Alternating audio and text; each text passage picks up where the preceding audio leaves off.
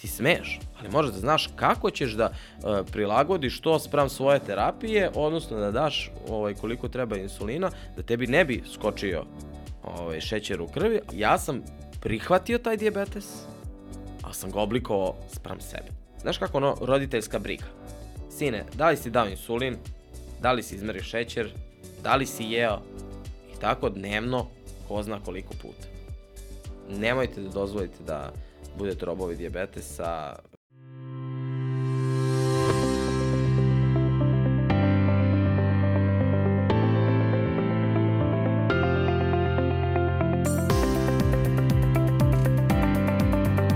Ivan Kosogor Podcast. Moje ime je Ivan Kosogor, a sa mnom je danas Aleksandar Opačić. Dobrodošao. Hvala ti puno što si ovde ovako rano ujutru. I hvala ti puno što si spreman da podeliš kako svoju priču, tako i sve ono čime se baviš.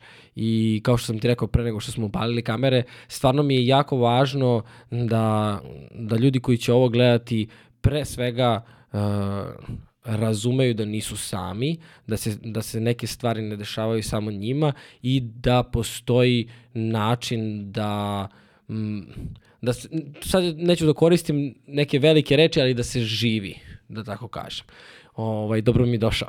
A, sad ću ja da iskoristim onu čuvenu floskulu, bolje te našao, ovaj, ali stvarno mnogo ti hvala na pozivu, ovaj, sa oduševljenjem sam prihvatio i stvarno mi je drago što ćemo danas da razgovaramo o nekako, ajde da kažem, mi koji smo u dijabetesu svakog dana, mm -hmm. ovaj, konstantno ponavljamo te neke ustaljene fraze i stalno koristimo neke možda identične floskule, ali u stvari to i nisu floskule, to je tako prosto, ali stvarno treba o dijabetesu mm. da se priča svakodnevno. Uh, zašto sam napravio ovaj mali uvod? Zato što uh, malo, malo u svojim medijskim nastupima uh, konstantno potenciram da o dijabetesu treba se priča svakodnevno i onda ovaj, čak i sam sebe uhvatim nekad u situaciji kao, joj, kao Aleksandre, dosadan si više, kao stalno manje više, jedno te isto, ali ne možemo mi tu nešto mnogo da menjamo, ovaj, jer te neke poruke koje pokušavamo da prenesemo ovaj, su stvarno bitne. I sada kada je diabetes uh, u pitanju kao ozbiljno stanje ili ti bolest, ovaj, onda tu nema mnogo ovaj, prostora da sad mi nešto izmišljamo kao pa kako ćemo sada da to izgovorimo sve u svemu, uh, hvala ti i evo, spreman sam, ovaj, što se kaže, ti pucaj, ja odgovaram. Kaži mi, kada si ti, sad krenuli smo sa osmehom, zato što je takva energija, ali je veoma ozbiljna tema i... Uh, Kaži mi kada si ti, pošto si rekao da mi koji smo u diabetesu, kada si ti saznao da imaš diabetes?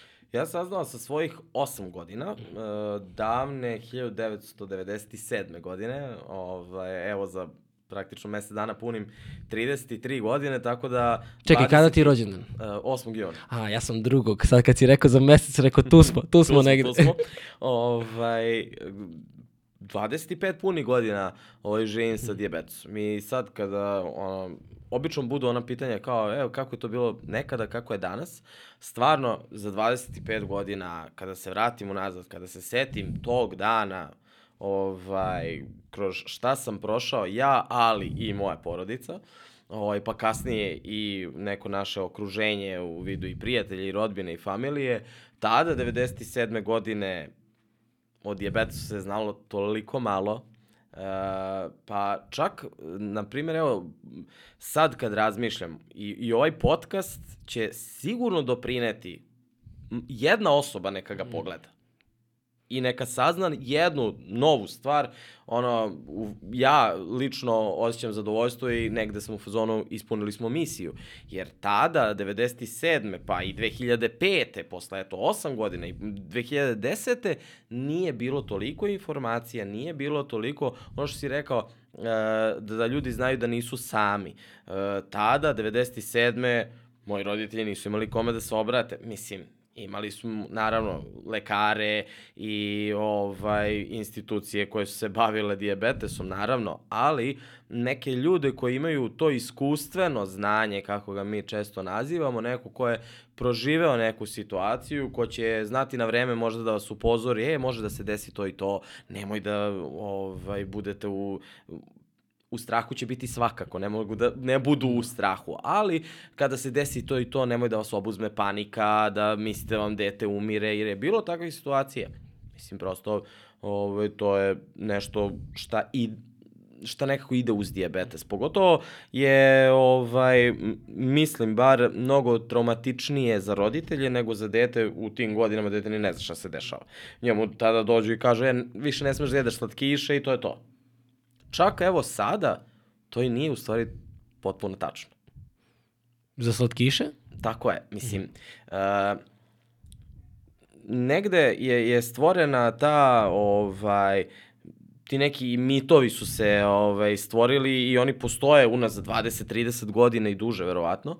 Ovaj, ali generalno, sad tu moramo jednostavno da razgraničimo. Postoje dva tipa diabetesa. Čak po, prema nekim najnovijim istraživanjima sada već govor da postoji i tri, ali ovaj, ajde ovo što je zvanično da imamo tip 1 i tip 2. Tip 1 je uh, tip diabetesa koji uglavnom ima neku genetsku predispoziciju, odnosno eto dobijaju ga nekada je to bilo uglavnom u mlađem uzrastu, bilo je nezamislivo da neko dobije tip 2 koji ima recimo 10, 12, 13 godina, međutim nažalost uh, uzrok uh, da se i to promeni jeste nezdrav način života i generalno loša ishrana, smanjena fizička aktivnost, da sada imamo sve više dece koja nažalost ovaj, obola od tipa 2. Tip 2 je, e, tako ga nazivaju, stečeni diabetes. Tip 2 e, znači da vaš pankreas i dalje luči insulin, ali ne u dovoljnoj meri. Zašto? Pa mnogo je razloga. E, loša ishrana, fizička, nedovoljno fizičke aktivnosti, konstantan stres, na primjer, i on su uglavnom pre bilo, ovaj, nazivali su ga čak i starački diabetes, taj tip 2. Međutim, ovaj tip 2, nažalost, negativan trend je ovaj, došao upravo iz Amerike, da sve mlađa populacija, nažalost, jer je mnogo gojazna, e, oboli od tipa 2 Onda vi imate sada decu, što je nekada bilo nezamislivo, imate decu koji imaju 10, 12, 15 godina, 7 godina, koji imaju tip 2.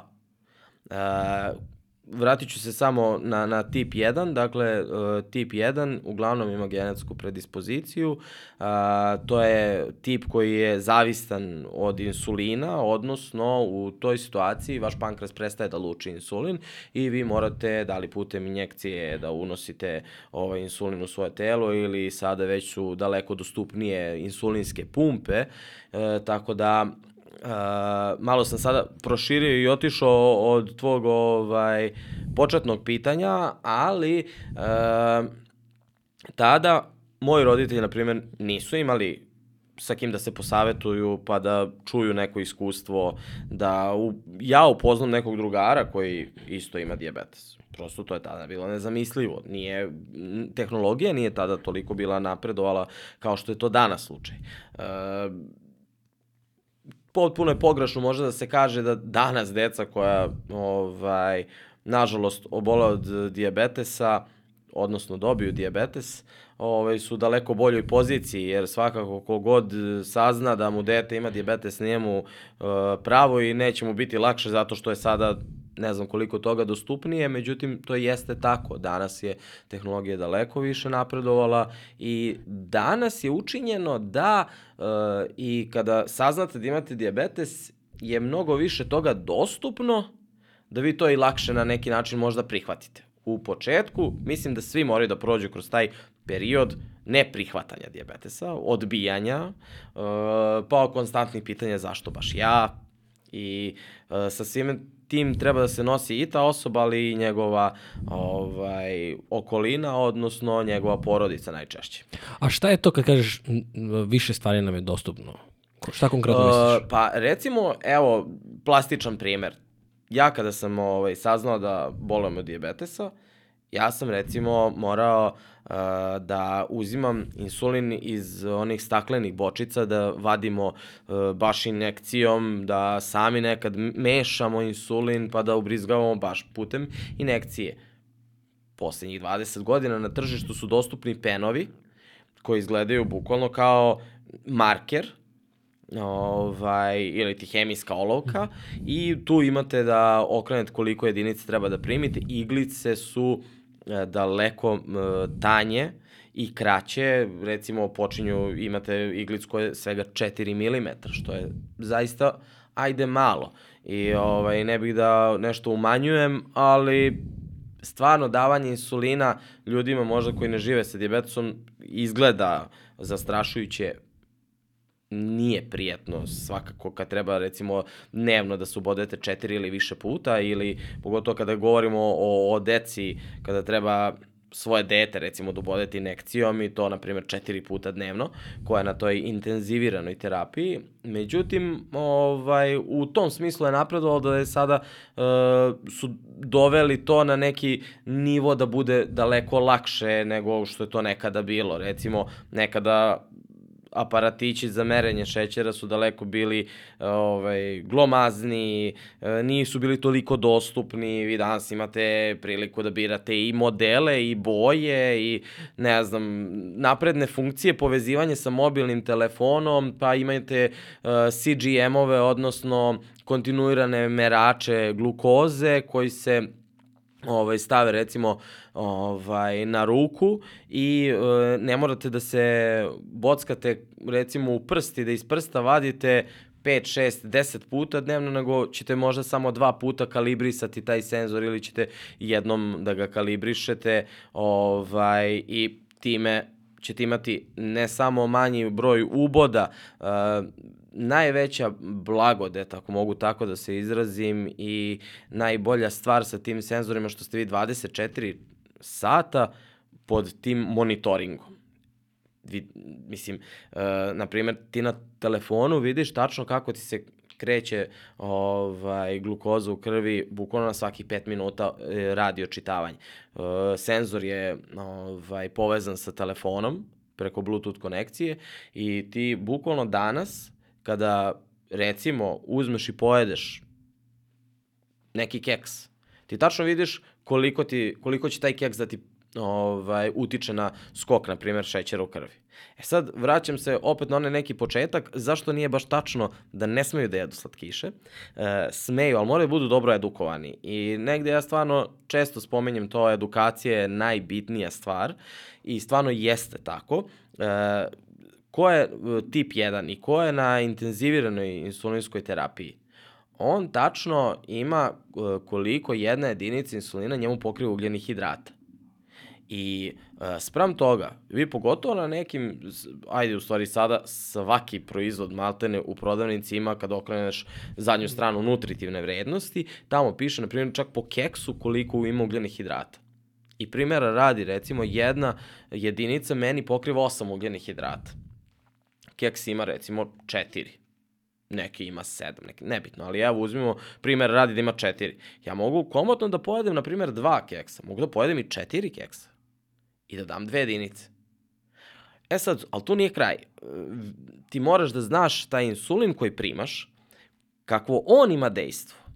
Da li treba da ga daš pola sata pre nego što ćeš da pojedeš taj keks. Da li ćeš da uh, daš 15 minuta pre nego što ćeš da pojedeš keks. Uh, I insulini su mnogo napredovali, što je super, mislim, iz ugla, uh, opet ono što sam rekao, danas je mnogo toga olakšano u smislu spravam načina života, negde ti, ako si dobro edukovan, možeš sebi i tu insulinsku terapiju, naravno uz konsultaciju sa lekarom, da prilagodiš svom tempu načinu života i da jednostavno ne oskudevaš, ako tako mogu da kažem po znacima navoda, da recimo kada dođeš na slavu rođendan i kažeš da imaš diabetes, oni kao, oh, nemoj skloni ovo od njega, on ne sme slatko. Ne, ti smeš, ali možeš da znaš kako ćeš da uh, prilagodiš to sprem svoje terapije, odnosno da daš ovaj, koliko treba insulina, da tebi ne bi skočio ovaj, šećer u krvi, ali si pojeo to parče torta ako ti se već toliko jede i zadovoljio si,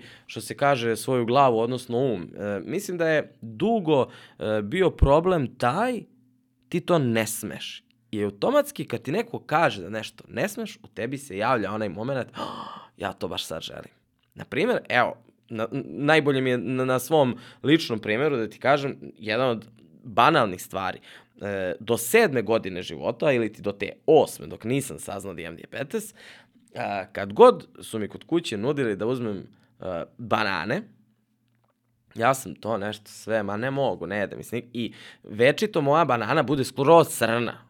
Mislim, imam i starijeg brata i stariju sestru, oni pojedu svoje, moja se na kraju otprilike baci. Onog dana, kad sam saznao da imam diabetes, i kad su rekli, jo, banana puna šećera, puna ugljenih hidrata, koliko se meni jela ta banana. Znači, pa to je bilo, a ovaj, sa osam godina, pa ti oni kao izmere da ti smeš samo pola, pa kako ćeš, pa šta ćeš? Kao kako pola, sad bi pojeo tri. Ali v, danas smo došli do tog momenta ti možeš da pojedeš tu bananu, nebitno, tortu, keks, sladoled, šta već si naumio i šta ti tog trenutka telo traži, a da ne naškodiš svom telu, da diabetes držiš pod kontrolom, ali naravno, opet kažem, možeš biti edukovan. Mislim, A sada kad si stariji, uh, ok, razumem kada si mlađi pa raste ta želja, međutim sada da kad si stariji i kada razumeš da određene namirnice jednostavno moraš da izbegavaš ili da ih uh, da kalkulišeš, da kontrolišeš kada i šta. Je li dalje postoji ta želja ili se probudi, znaš ono, ljudi koji, uh, ne znam, uh, ceo život puše cigare i ne znam, dogodi se to recimo desilo mom tati, uh, moždani udar, sutradan su prestali i nikada više nisu pomenuti. Da, da li se tvoja odgovornost i svest o ishrani promenila starenjem, da tako kažem, ne, ne mislim da si star, nego prosto odrastanjem ili dalje ostaje ta priroda naša i dalje jaka, u smislu ako nešto ne mogu, onda moram. Znaš. Um, hm, dobro pitanje i mogu da ti odgovorim, baš pošto si ga postavio ajde, iz ličnog primjera, ali generalno mislim da stvarno individualno.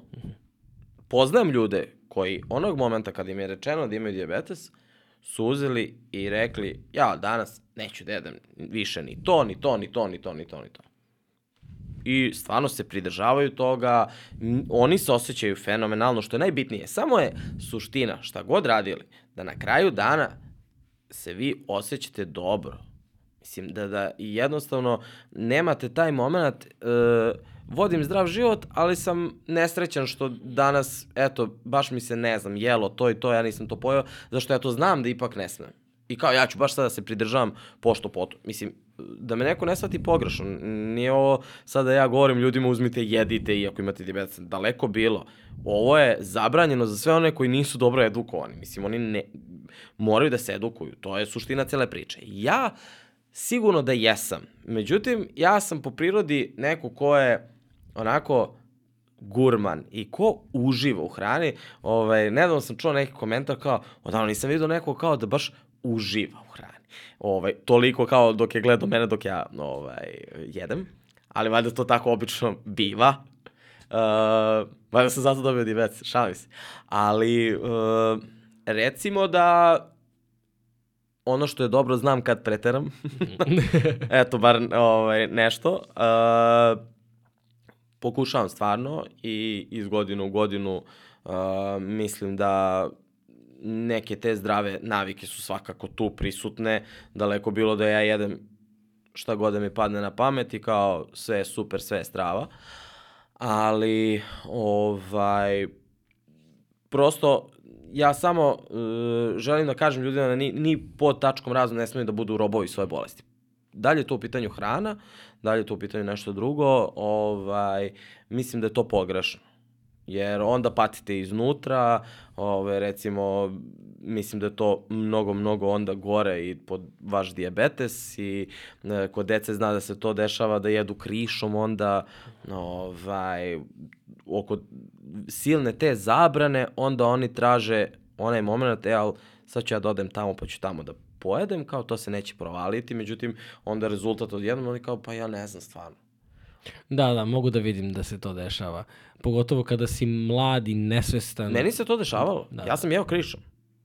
Mene su roditelji, pa mene su u prodavnicama znali, gdje su moji roditelji kao nemojte da mu prodajete, ono, mislim. Do te mere se išlo.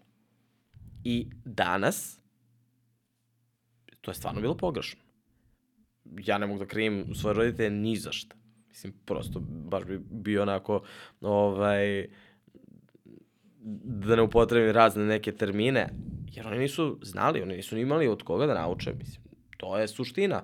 Ono, tada nije bilo udruženja na nivou na kojem ih imamo danas u Srbiji. Šta danas ako saznaš evo u ovom trenutku da da imaš diabetes. Malo pre si rekao stanje i bolest. Hoću da mi prvo objasniš razliku između stanja i bolesti i onda da idemo, da mi kažeš šta danas prvo da uradi neko ko je saznao da ima diabetes pre možda nedelju dana, juče ili pre mesec dana. Stanje iz ugla što se sa dijabetesom može živjeti apsolutno kvalitetno.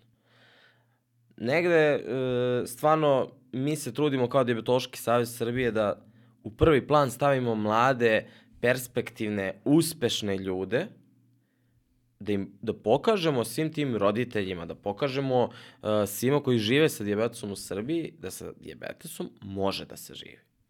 Apsolutno kvalitetno, da uh, ne sme da vas putava ni u čemu.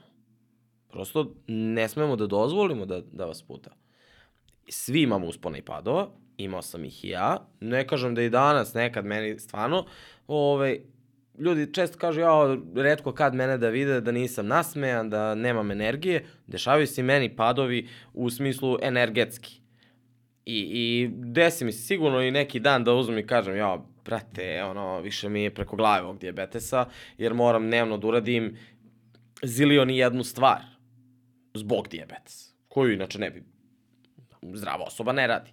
Ali vrlo brzo to prođe. Mislim, ako ovaj, imate čemu sutradan da se radujete, nadate, imate neke svoje planove, prosto ne dozvoljam uopšte da diabetes tu se možda jednog dana koji se javi periodično, stvarno, čak ne bih rekao ni da je to kvartalno, nego možda jednom u šest meseci ako mi se desi taj jedan dan i u, u tom jednom danu znam kako prevazilazim to, a to je po meni neka suština da da e, imamo razvijen već mehanizam tu tehniku, a nećeš verovati evo najbolji sistem kako prevazići te loše dane jeste pa ovaj pozvati nekog ko isto ima dijabetes, ko ti je prijatelj, ko ovaj, te apsolutno savršeno razume, ko neće s tobom onda možda uopšte ni pričati o dijabetesu tog dana, nego će da bude u zonu, e, idemo na piće i pričat ćemo ono o čemu god, šta god, ali ono što smo i negde, mislim, pre početka rekli, ovaj, nisi sam. Uh, stanje sam donekle objasnio, ovaj, a bolest uh, zato što ukoliko se ne vodi računa i jave se komplikacije dijabetesa, onda je to ozbiljna bolest već, uh, onda uh, to poprima potpuno ovaj, drugačiju sliku o svemu. Komplikacije dijabetesa su u stvari mogu da budu smrtonosne. I dijabetes sam po sebi niti boli, niti ga vidiš, mislim nije vidljiv. Komplikacije? Komplikacije su te kojih u stvari treba da se na neki način pribojavamo, da ne kažem bojimo, a koje su uzrok u stvari neregulisanog dijabetesa. To je u stvari zašto je dijabetes, često ga nazivaju, mislim, mi generalno ne volimo te termine, ono, tihi ubica i ima raznih nekih ovaj, naziva za, za dijabetes, ali u stvari komplikacije su te koje su problem.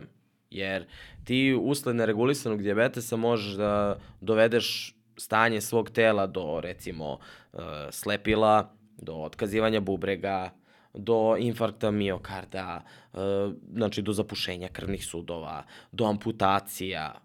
Stvarno, jedan, nažalost, širok spektar komplikacija koje mogu da se jave usled neregulisanog dijabetesa, o, ako se ne vodi računa, a nažalost i dalje imamo u Srbiji stvarno visok broj ovaj, komplikacija usled neregulisanog dijabetesa. Koliko ljudi trenutno boluje od ja se kaže boluje, sad to pravo reći, ili E, koliko pa, ljudi ima dijabetes? Evo ovako, e, generalno, Mhm. e, ono na čemu mi insistiramo jeste da e, govorimo osoba sa dijabetesom.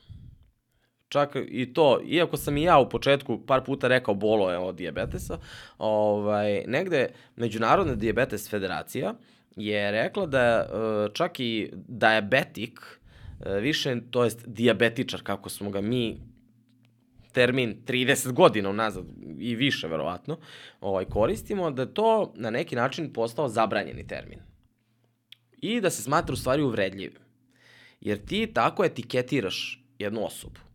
E, on je dijabetičar, ti si ga etiketirao, a on je u stvari person with diabetes, osoba sa dijabetesom. Uh, generalno, meni lično ne smeta kada neko kaže dijabetičan, niti smatra da me taj neko etiketira. Međutim, mi evo stvarno pokušavamo, i to nije od juče, to nije od pred godinu dana, to je poslednjih jedno 7, 8, 9 godina neka zajednička misija da pokušamo i ka medijima i ovaj u svakodnevnom govoru, na primjer moja majka, ja stalno ovaj kad god ovaj izgovori dijabetičan, izvini šta si rekla? Dobro, Aleksandre, osoba sa dijabetesom. I ovaj, ali e, recimo da, da, da su to sad eto, neke ovaj, malo još uvek jezičke ovaj, nedoumice kod ljudi, šta sad, da li da kaže boluje od dijabetesa. Jednostavno mi stalno idemo sa tim da živimo sa dijabetesom. Mi živimo, jer time pokušavamo da prenesemo tu neku našu poruku, ovaj, ono kao empowering, osnažujuću. Znaš, mi živimo sa dijabetesom. On, on nije deo otprilike nas. Odnosno, jeste, ali nas on ne čini onima što mi jesmo. To razumem, ali kod mene je ve veća dilema da li se ti, uh, tu, tu sam zbunjen, da li se ti boriš protiv diabetesa ili ti učiš da živiš sa diabetesom, a onda si mi rekao u jednom delu nemoj da budeš rob svoje bolesti, što znači da ti učiš kako da kontrolišeš kroz edukovanje, kroz sve ovo što vi radite, uh, kako da kontrolišeš bolest. Sad, da li je to borba ili je to neka vrsta simbioze na koju si ti nateran? Pa, uh, iskreno, meni više se sviđa ovo da je borba. Šalim se. Ja sam ubeđen da je ovo borba. Uh, koliko god mi nekada možda bojili sve nekim divnim bojama i ja stvarno ono što pričam to i mislim. I ja se stvarno tako ponašam. Tu nema nekog foliranja ovaj, kad kažem da, na primer, je mene diabetes na neki način izgradio kao osobu, da mi je diabetes omogućio neke divne stvari u, u, u svom životu, ovaj, da sam došao do nekog čak nivoa svesti e, da kažem na neki način sam zahvalan što imam diabetes. Koliko god to suludo zvučalo, ja verujem da ću naići na mnogobrojne kritike, kao reći, ko ovaj nije normalno šta je pričao. Znaš, ono, Ivane, koga si ozvao u podcast, ali uh, nećeš verovati, o, isto ovo sam izgovorio pred dvadesetak mladih osoba, uh, uzrast između 18 i 30 godina, gde se jedan ovaj, mladić recimo da tada ima 25-6 godina, ovo je stvarno osmijali onako ustao i rekao, izvini, ali ja mislim da ono, prilike... Lažeš, okej. Okay. Da. E, ja sam rekao, okej, okay, ja to stvarno mislim, ja to stvarno osjećam, ali ajde da pričamo o tome neki drugi dan, da vidimo ovaj, kako će sve ovo da, da, da funkcioniše, jer su oni bili na jednoj edukaciji koja je trajala šest dana. Šesti dan, Ovaj, znam da ovo sad zvuči kao neki scenar iz filma, ali ovaj, zaista šesti dan ovaj, taj momak je prišao i rekao ja sam stvarno bio ubeđen da si ti lud i da ono kao foliraš, to, to je nemoguće. Ali kao, ja sam ono kao bukvalno zahvalan što imam diabetes, jer e, se toliko ovaj, sa tim svim ljudima s kojima je bio okružen, gde su svi na tom mestu imali diabetes, toliko se sa njima povezao toliko je toga naučio. Počeo već da primenjuje neka znanja koje je ponao sa tog skupa i uvideo neke prve tek efekte i njemu to dalo toliki vetar u leđa, to je njemu podiglo toliko samopouzdanje. Ovaj, on i danas prepričava to kako je prvi put kad je čuo bio u fazonu, vi ste bre svi ludi. Vi ste ovde svi ludi, kao gde sam ja ovo došao, šta je ovo? Ove, međutim, veruj mi da njegova rečenica šestog dana meni daje taj vetar u leđa da nastavimo sa tim što radimo. Uh, ja je nazivam borbom protiv diabetesa, jer mislim da je zajednička misija svih nas i ovo što recimo uh, ti radiš je uh, takođe jedan doprinos svemu tome, da prosto i osobe koje žive sa diabetesom će nešto čuti, e, saznati nešto novo, pa neće nekada nesvesno možda disk, diskriminisati osobu koja živi sa dijabetesom. Ovaj, ali generalno preventiva o kojoj mi takođe konstantno pričamo, preventiva mora da bude na boljem nivou. Međutim, i ljudi moraju da budu bolje edukovani. Mislim, i moraju da budu malo više svesni. Ono, znaš kako ono kaže, ono, zdrav čovek, Ima hiljadu želja. Da, razumem te. Volao sam samo jedno, ali, uh, na primer, znaš koliko puta smo bili nekim skupovima gde pričamo o dijabetesu, sve, sve, sve, sve, sve, i ti svi ljudi kao, jo, jeste, tako je. I onda na kraju pitaš kao, pa dobro, evo sad, recimo njih je u prostoriji 15, 20, koliko vas može da podigne ruku da je posljednjih šest meseci otišlo kod lekara, da ga ništa nije zabolelo, da nije vidio nikakav simptom i da je prosto otišao i rekao, ja bih želeo da proverim krvnu sliku kompletnu. Otišao sam nesistematski. Ja znam, onda tu, onda ide drugi onaj nivo, ali dugo se čeka, ali ovo, ali ono, i mi uvek imamo ne znam koliko ali.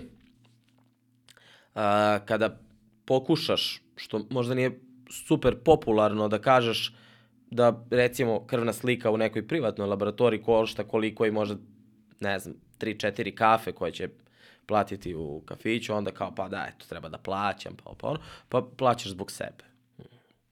Mislim, plati pa vidi da je sve super i ono, miran si, budi, budi ono, gledaj, ne znam, da li da pokušaju da gledaju na to kao da ulažu u sebe, u svoje zdravlje. Mislim, znaš, ono, zbog sebe proveraš, ne zbog mene. Ali stvarno, kad s ljudima razgovaraš, kad ih pitaš kad si posljednji put bio, nemaju pojma. O, pa pre dve godine, tri godine, nešto sam morao, pa sam onda kao, bilo sve dobro.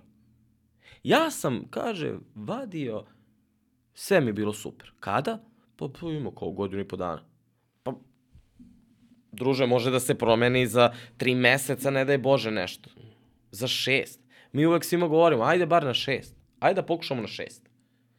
Ok, mlađi, mlađe osobe mogu da rade jednom godišnje. Ako je sve ovaj, idealno, ako je sve super, jednom godišnje bar.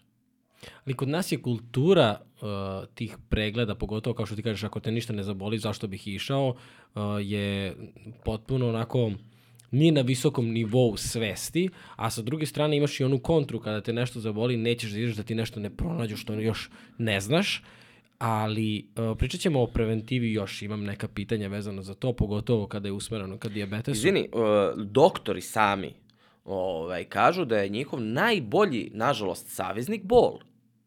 I da se ljudi javljaju tek kada zaboli. Kod dijabetesa, ono što je jako bitno da se podvuče, bukvalno ono tri puta. Ljudi, nemojte da čekate da se boli. Kad zaboli, znači da je već, Da je kasno. pa u nekim situacijama može da bude kasno u smislu da se već javila neka komplikacija. Kod dijabetesa kada se pojavi neka komplikacija, vi je ne možete nikada vratiti na onaj, da kažem, početni izlečiv nivo. Prosto, Znači da je to dugotrajna, da je to borba do kraja života, Tako je. Tako je, ali da je zavisnost od komplikacije. Ovaj, ne bih volao da ti bojim ovaj podcast sad u nešto sivo i crno. Ne, ovaj, mislim, pričamo realnu sliku, zato sam ti zvao. a, Pa, neko si ko živi sa tim, neko si ko se uh, bavi uh, i, mislim, ono što mi pitao si me pre, pre nego što smo krenuli uh, zašto sam te zvao. Uh, zato što je dragoceno uh, da, ne znam koliko si ti svestan toga, pretpostavljam da i nisi mnogo, ali kao što si sada rekao, pro, diabetes ti je oblikovao život na neki način i učinio te to što si danas. A, ti, mnogo ljudi ima koji imaju dijabetes, ali nemaš mnogo ljudi koji pomažu drugim ljudima koji imaju dijabetes, koji ih edukuju, koji e, razne, evo vi vodite i kampove, pričat ćemo o tome, razne aktivnosti i trude se. Ono što je dragoceno u tvom tvoj, tvojoj situaciji je to što em što si od malena neko ko mora da se, jer ja mislim da stvarno nije fair da kad imaš 8 godina uh, moraš da se baviš tim nekim stvarima i da misliš o svom zdravlju na tom nivou. I pogotovo, evo to napravili smo i neku retrospektivu kako je to izgledalo ranije, kako danas, ali to nije fair. Ti bi trebalo da budeš na ulici, da se igraš i da zaboraviš da jedeš, a ne da kontrolišeš i da imaš ceo raspored kad imaš 8 godina.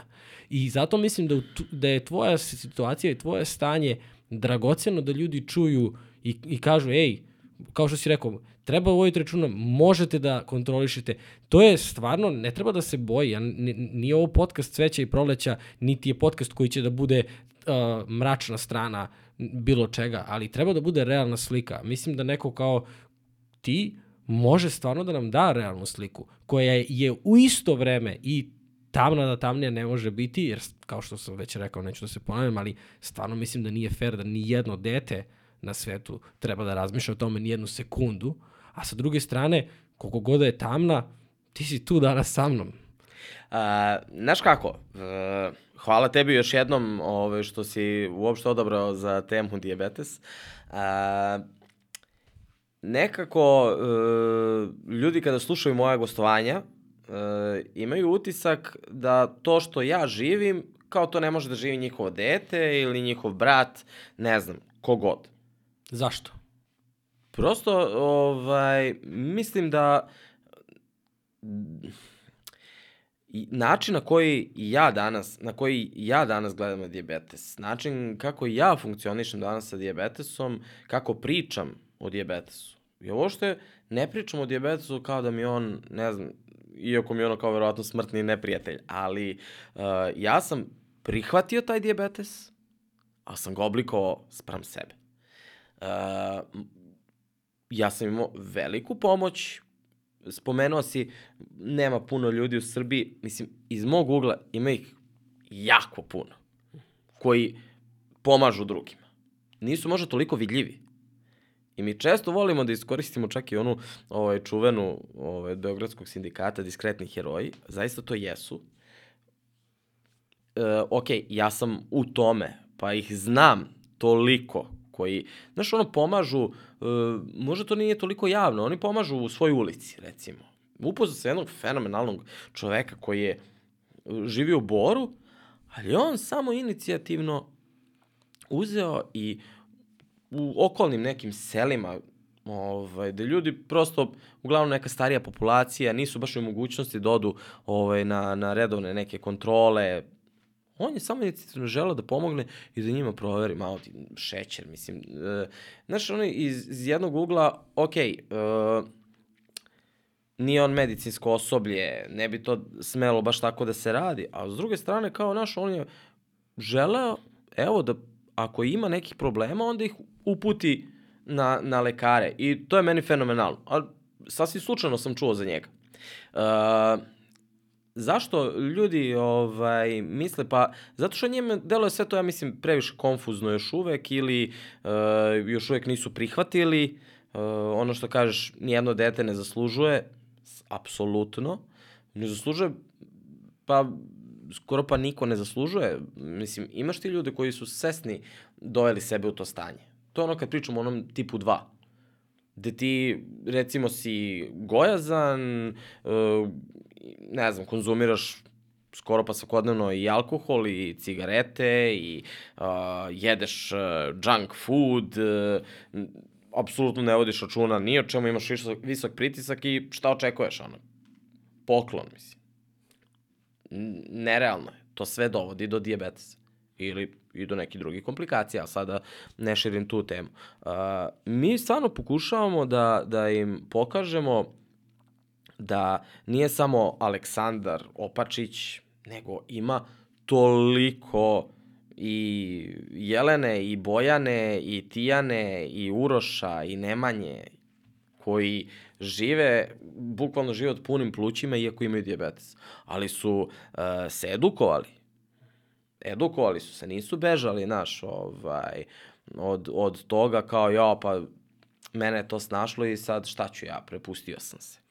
Ne kažem ja da, da, da ljudi to urade ovaj, tek tako, mislim, nije da sad kogod nije u nekoj organizaciji da, mislim, ima jako puno ljudi koji prosto ne bave se, ne stižu, želeli bi, ali ne mogu zbog svojih nekih ove, ovaj, životnih okolnosti. Ja imam tu sreću da radim recimo i takav posao, pa da mogu da se bavim, pored tog mog posla, ovaj, volonterizmom u Diabetološkom savezu Srbije, sam ja volonter, iako sam predsednik Saveza i svi u organizaciji su volonteri, što mislim da daje ovaj, još neku veću težinu po meni, ali meni je mnogo doprinulo u mom životu što sam, ovaj, evo, poslednjih 12 godina aktivista u ovoj priči, da spoznam sebe, da upoznam ma fenomenalne ljude koji su mi postali prijatelji za ceo život,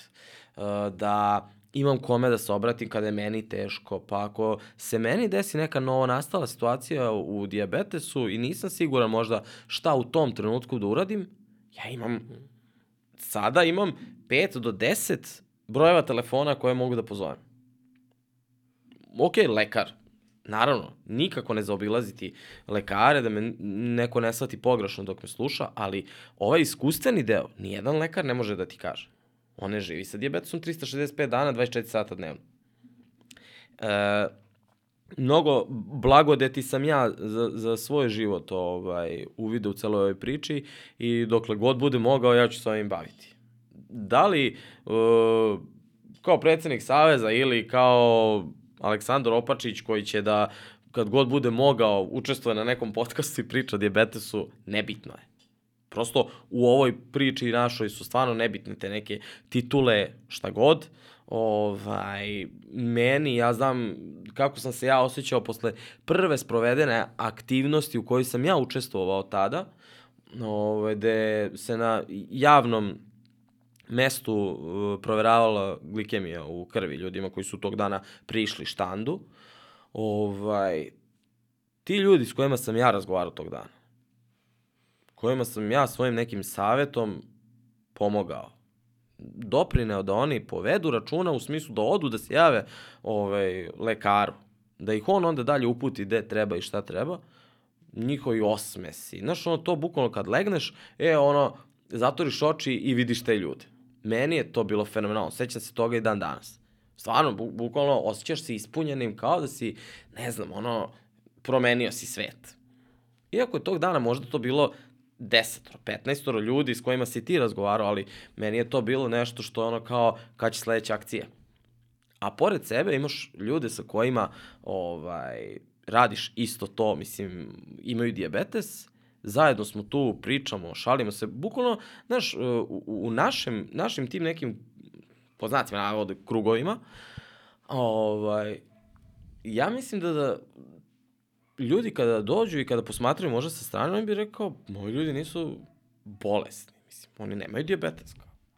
Mi ne pričamo, mislim, pričamo, stalno je tu neka tema diabetesa, ali uopšte, ono, naš, nismo kao, nisu to neki kao, skupovi, pa kao, jo, šta ćemo, kako ćemo, ima naravno, zašto se mi zalažemo, zašto se borimo, uh, stalno sugerišemo uh, državi, fondu, šta je to što treba osobama sa diabetesom, jer prosto to nam je jedna od misija. Zastupamo ovaj, interese osoba sa diabetesom.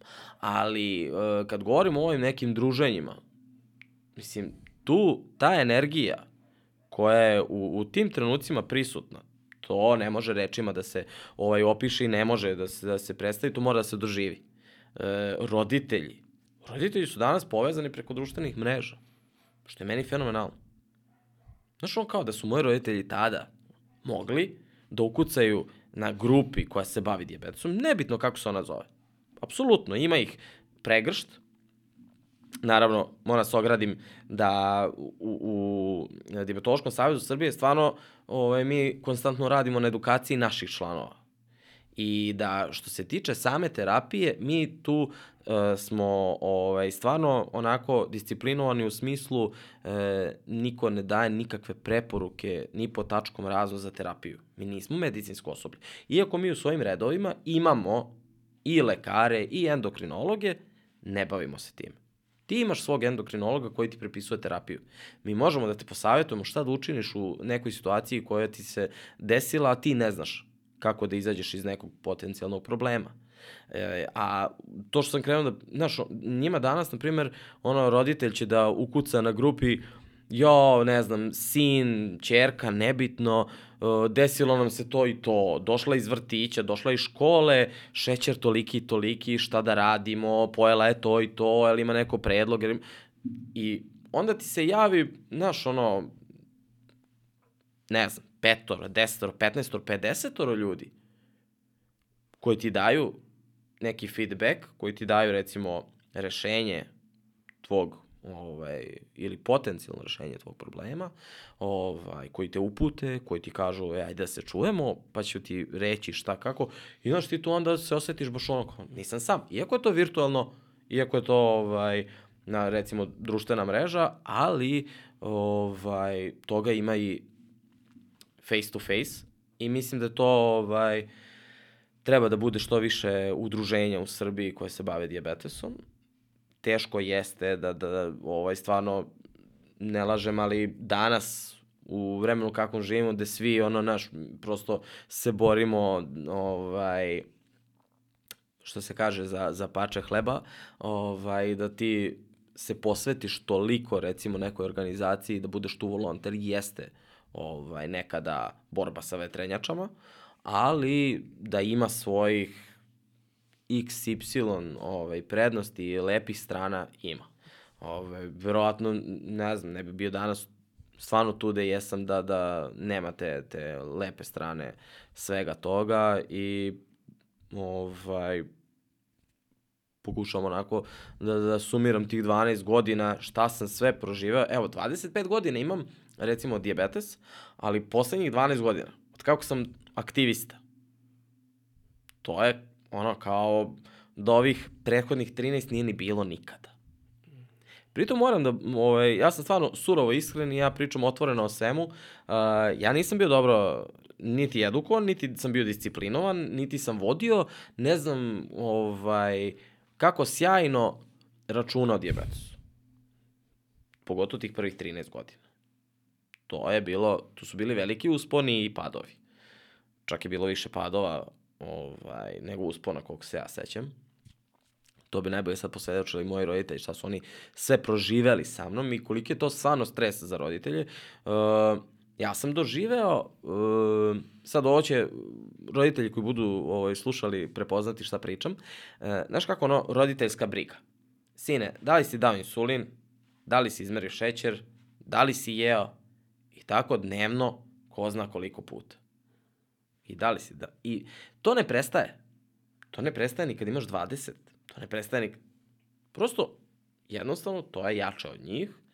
I oni, koliko god znali sad, na primjer, da si ti edukovan, oni, verujem mi, kod mene prestalo. Ja ne mogu da verujem ovaj, da mi se to desilo, ali e, moji roditelji su konačno uvideli da ja stvarno taj diabetes držim u svojim rukama. Da, da nema više... Znaš, vidim kod njih to neko olakšanje.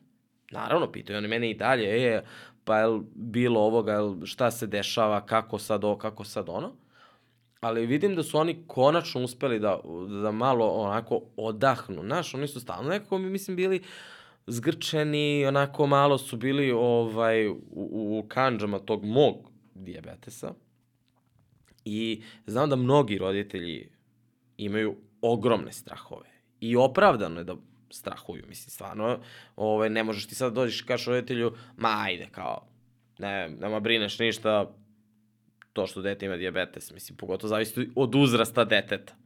Ovaj, ali da e, danas mogu da budu bezbrižni i da u stvari danas treba da e, rade svi zajedno na toj edukaciji, treba. Zašto? Pa zato što će ona dovesti do toga uh, da jednostavno i njihovo dete preuzme tu kontrolu o diabetesu, da uh, oni vide da prosto diabetes može da ga nauči da bude disciplinovan i da ga ovaj ono što ja stalno kažem čak i na neki način ovaj usmeri odnosno izgradi danas sutra ovaj kao ličnost. Samo je suština da e, nekada taj njihov strah se ne prenese na dete ili da njihov strah ne uzrokuje kontra kod deteta. Neku, potpuno, oni iz neke dobre namere, iz svojih nekih strahova, će da pokušaju previše da zaštite dete i mogu da prouzrokuju kod njega u tom nekom uzrastu totalno kontrareakciju. I to se kod mene dešavalo. Ja sada znam da su moji roditelji to radili iz najbolje namere. Tada, me to uopšte nije tako delovalo. A oni to nisu mogli da uvide da ja to razumem potpuno na svoj jedan drugačiji način. Ali oni su bili kao, kako sad ja da to ne uradim na taj i taj način. Danas, imaju od koga da nauče. I kad to kažem, ne znači da ono treba samo isključivo da se jave Dijabetološkom savezu Srbije i udruženjima koje su u sklopu saveza. Daleko bilo. Danas imaju pregršt mogućnosti kome da se obrate, kome da se jave. Naprimer, po nama psiholog je jedna jako, jako bitna uh, uloga koja uh, mi čak imamo i, i spreman jedan predlog za ovaj ministarstvo da da bi uh, ministarstvo zdravlja da bi uh, psiholog trebao da bude uh, obavezan u smislu ko želi naravno, ali o trošku države da bude besplatno psihološko savjetovalište za osobe sa diabetesom. Mi smo uvideli koliko E, prostora tu ovaj ima, e, odnosno kolika je potreba za psihologom. Zašto je psiholog neophodan tu? Uh, samo hoću da napravim isto ovo što si sada pričao vezano baš za zajednicu i za mogućnost da imaš kome da se obratiš, potpuno mi je jasno i da, da li je to virtualno ili je to uživo ili neki miks je definitivno jako važan, ali uh, to je podrška grupe. I sada si spomenuo i podršku psihologa. Zašto psiholog?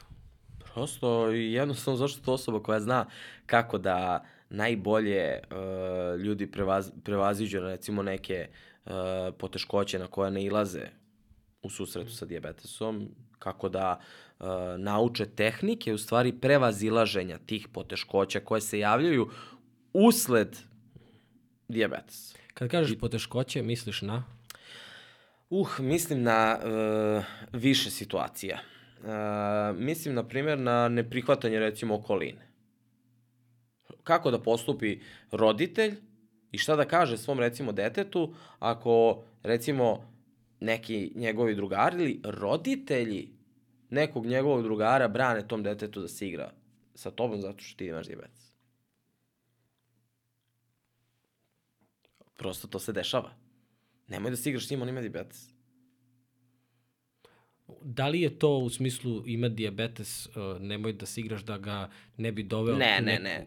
sačuvanje? Ne, ne, ne, ne, jer to je prosto absurdno. Ti ne možeš, nema šta, mislim, dete sa diabetesom je, bit ću slobodan da kažem, zdravo dete. Ok, ima taj problem što se tiče nedostatka insulina u svom. Jedna e, profesorka, mogu i da spomenem, Katarina Lalić, ovaj, je e, toliko divno to rekla, meni su ostale udrezane na njene reči, da, da je rekla, čak više nije ni osoba sa diabetesom, ono o čemu smo pričali, nije osoba sa diabetesom, to je osoba koja ima nedostatak insulina u sebi, fenomenalno, mislim, ona je to još više svela na taj moment, znaš, ono kao, ma nije bre ni diabetes, nego njemu malo bre fali u telo organizmu, fali mu insulina i to je to, ali... Uh, nema tu kao, nemoj da si igraš sa njim, da ti njega nešto ne bi, nema šta.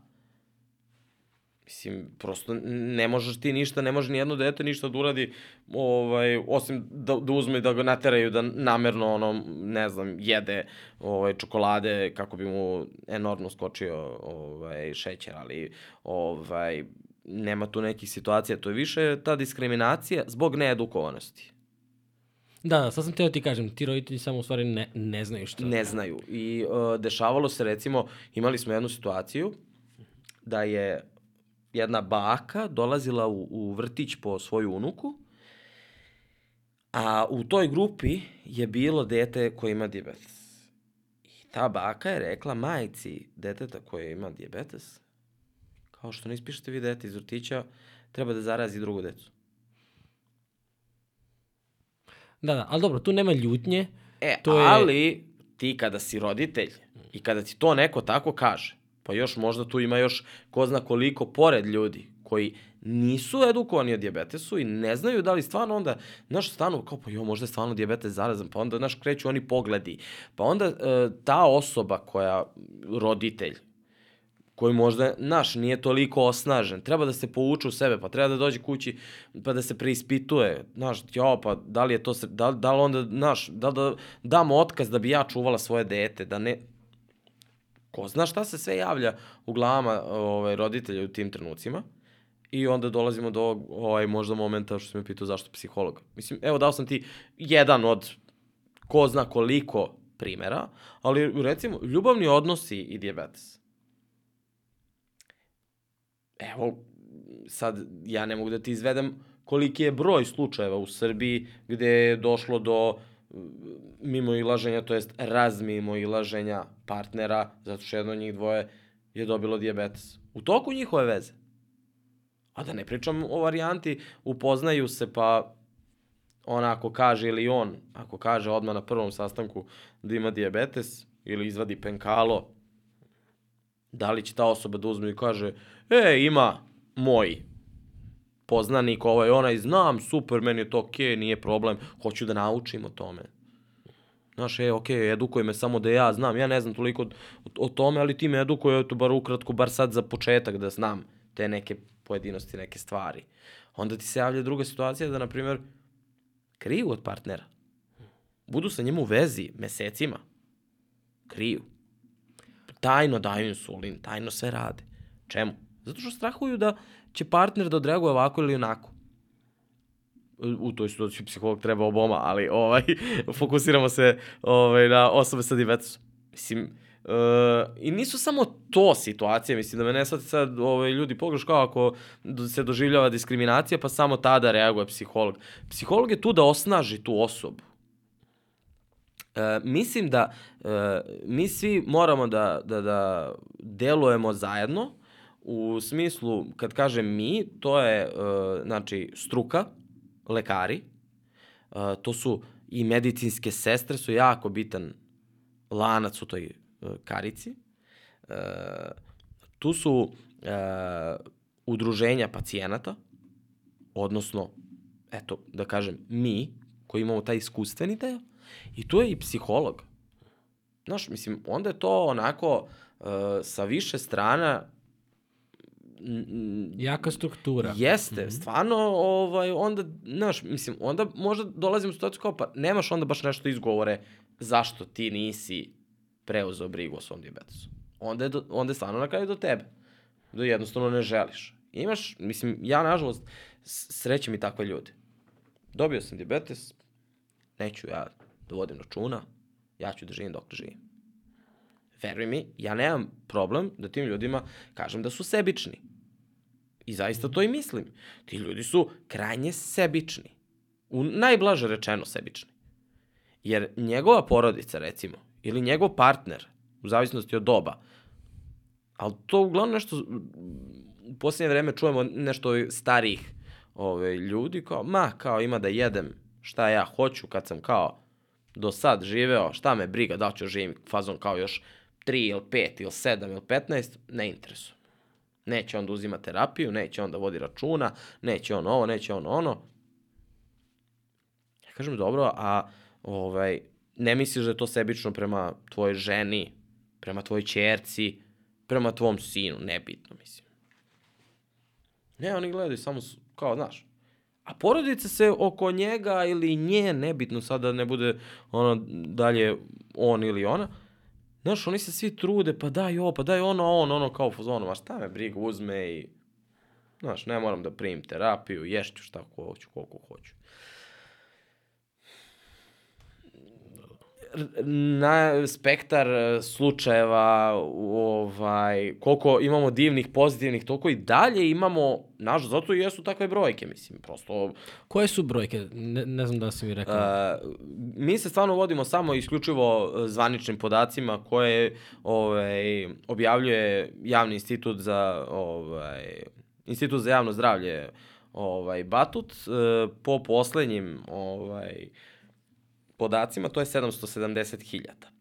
Međutim, ovaj, to su podaci od pre, čini mi se, dve, ako ne sad već i tri godine. E, sigurno da su ti podaci sada već, to jest brojke su i vjerojatno oko 800.000, ovaj, jer prosto prevalenca diabetesa je takva bolest da konstantno imamo nove osobe koje ovaj, saznaju da, da imaju diabetes. Ono što je, recimo, po meni frapantan podatak jeste da od te ukupne brojke čak 40% njih sigurno nije diagnostikovano.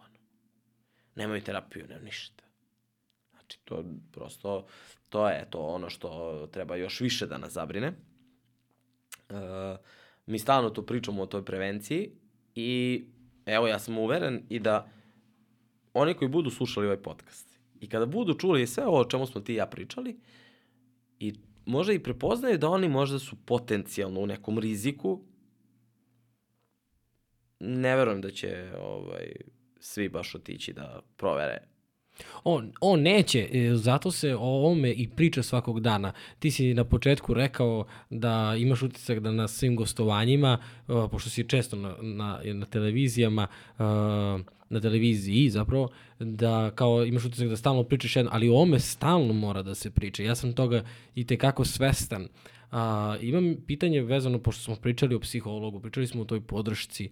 Uh, da li si ti lično E, da li imaš jači karakter zbog, zbog toga što imaš diabetes i zbog toga što si sve ovo prošao u poslednjih uh, 25 godina ili misliš da te to oštetilo? Znači, da li si jači ili te oštetilo? To je moje pitanje. Definitivno sam jači, ne, mislim... I to sam hteo samo čisto da napravim. Zna, mislim, otprilike sam kao pretpostavio odgovor, iako se trudim da kao uh, voditelj podcasta nemam pretpostavke, ali sam te namerno pitao uh, upravo zato što uh, konstantno osjećam dok pričaš da postoji potreba da se uh, svaka vrsta etiketiranja i diskriminacije uh, kompletno uništi, skloni i da to ne postoji i mogu da te razumem kao čovek čoveka, ne kao e, neko ko može da, da razume kroz šta si ti prošao, ali neko kao čovek, kao čoveka mogu da te razumem da je jako neprijatno ako te neko etiketira, ali opet sa druge strane ti znaš koliko je to imalo utica na tvoj život. I onda svaka vrsta etiketiranja je, meni, meni lično barem izgleda, može ići u onu vrstu um, empatije u smislu pa ti samo ne možeš, kao ta baka koja je izjavila to, ta baka je vjerojatno samo u strahu zbog neznanja. A danas mi možemo da sprečimo neznanje upravo ovim načinom, ovom komunikacijom ili bilo kojom drugom. Znaš, prosto ja recimo to nikad nisam ni pomislio da postoji diskriminacija kada je u pitanju diabetes. Nije mi palo na pamet. U, postoji te kako, ne, da. Ne, razumem i vidim i vidim koliko je važno i vidim koliko je u tvojim rečima i u tvom načinu je prosto vidim koliko želiš da preneseš ne samo ljudima koji imaju, nego ljudima koji nemaju da više razumeju ljude koje imaju. I, i sve mi je to jasno, ali opet kažem, tvojom rečenicom moj karakter je jači, si pobedio bilo koju vrstu etiketiranja. Ali, uh -huh tu postoji jedno ali. Sad, ja e, kroz svoj život nisam želeo da, recimo, uradim sve što sam uradio, da bi kao ljudima pokazao, evo, ja imam diabetes, ali kao pogledajte šta sam ja uradio, šta sam ja postigao. Ono, negde pričali smo pre nego što je počelo, ja radim četiri stvarno posla. I meni to nije teško, i meni to zadovoljstvo, ja uživam u svom poslu ali uh, ja sam to radio zbog sebe. Ja sam sam sebi, znaš, ono, e, hoću i ovo, hoću i ono, sad ću ovo, sad ću ono. Uopšte nisam razmišljao o diabetesu. Znaš, uopšte mi je bio kao, evo kao ja imam diabetes, ali evo uspeo sam i to je to. Ma kakav diabetes? Nedavno e, sam razgovarao opet, ja, mislim, stvarno, da me neko ne sveti pogrešno, ja obožavam da radim s mladima, jer ovaj, mislim da njima ono, kada prenesemo tu neku, što mi pokušamo, i energiju i ohrabrimo ih da, da oni se osete osnaženim, da oni sutra budu, e, idem da kidam. Znaš, kao nema veze što imam diabetes, sad ću ja, ono, ide, imam super šećere, ali sad ću ja, o, ne znam, postignu super rezultati u školi i, ne znam, na faksu i privatno, nebitno je, ali, ovaj, e, razgovarao sam sa njima i sad ja njima krenem da nabrajam ne znam, radio sam ovo, radio sam tamo, to i to, ovde i ovde, bio sam tamo. Bis... Ja sam u, u celoj priči zaboravio njima da uopšte kažem da ja živim sa diabetesom 25 godina. Totalno sam zaboravio. Jer meni to uopšte nije, znaš, ono kao, e, nije mi kao prva stvar. Što imamo ono, često neko na tim našim druženjima predstavljanje, kada dođe neko novi, po obično bude kao, dobar dan, ja sam Aleksandar Opačić, sa dijabetesom živim toliko i toliko godina. Ma kakvi? Kod mene to ono, ne znam kom, 15. mesto, ako se setim kao, Mislim, daleko od toga da ja kao ono, nije to neko potiskivanje, slično, uopšte mi nije to kao, e, ja sam Aleksandar Opačić, imam diabetes. Wow. Mislim, znaš, nije, nije diabetes, on nisam ja diabetes. Ej, ja sam po struci to i to, radim to i to, radim tu i tu, ne znam, volim, recimo, ono, volim e, kafu, volim ovo, volim ono, radim to i to, ispunjava me to i to.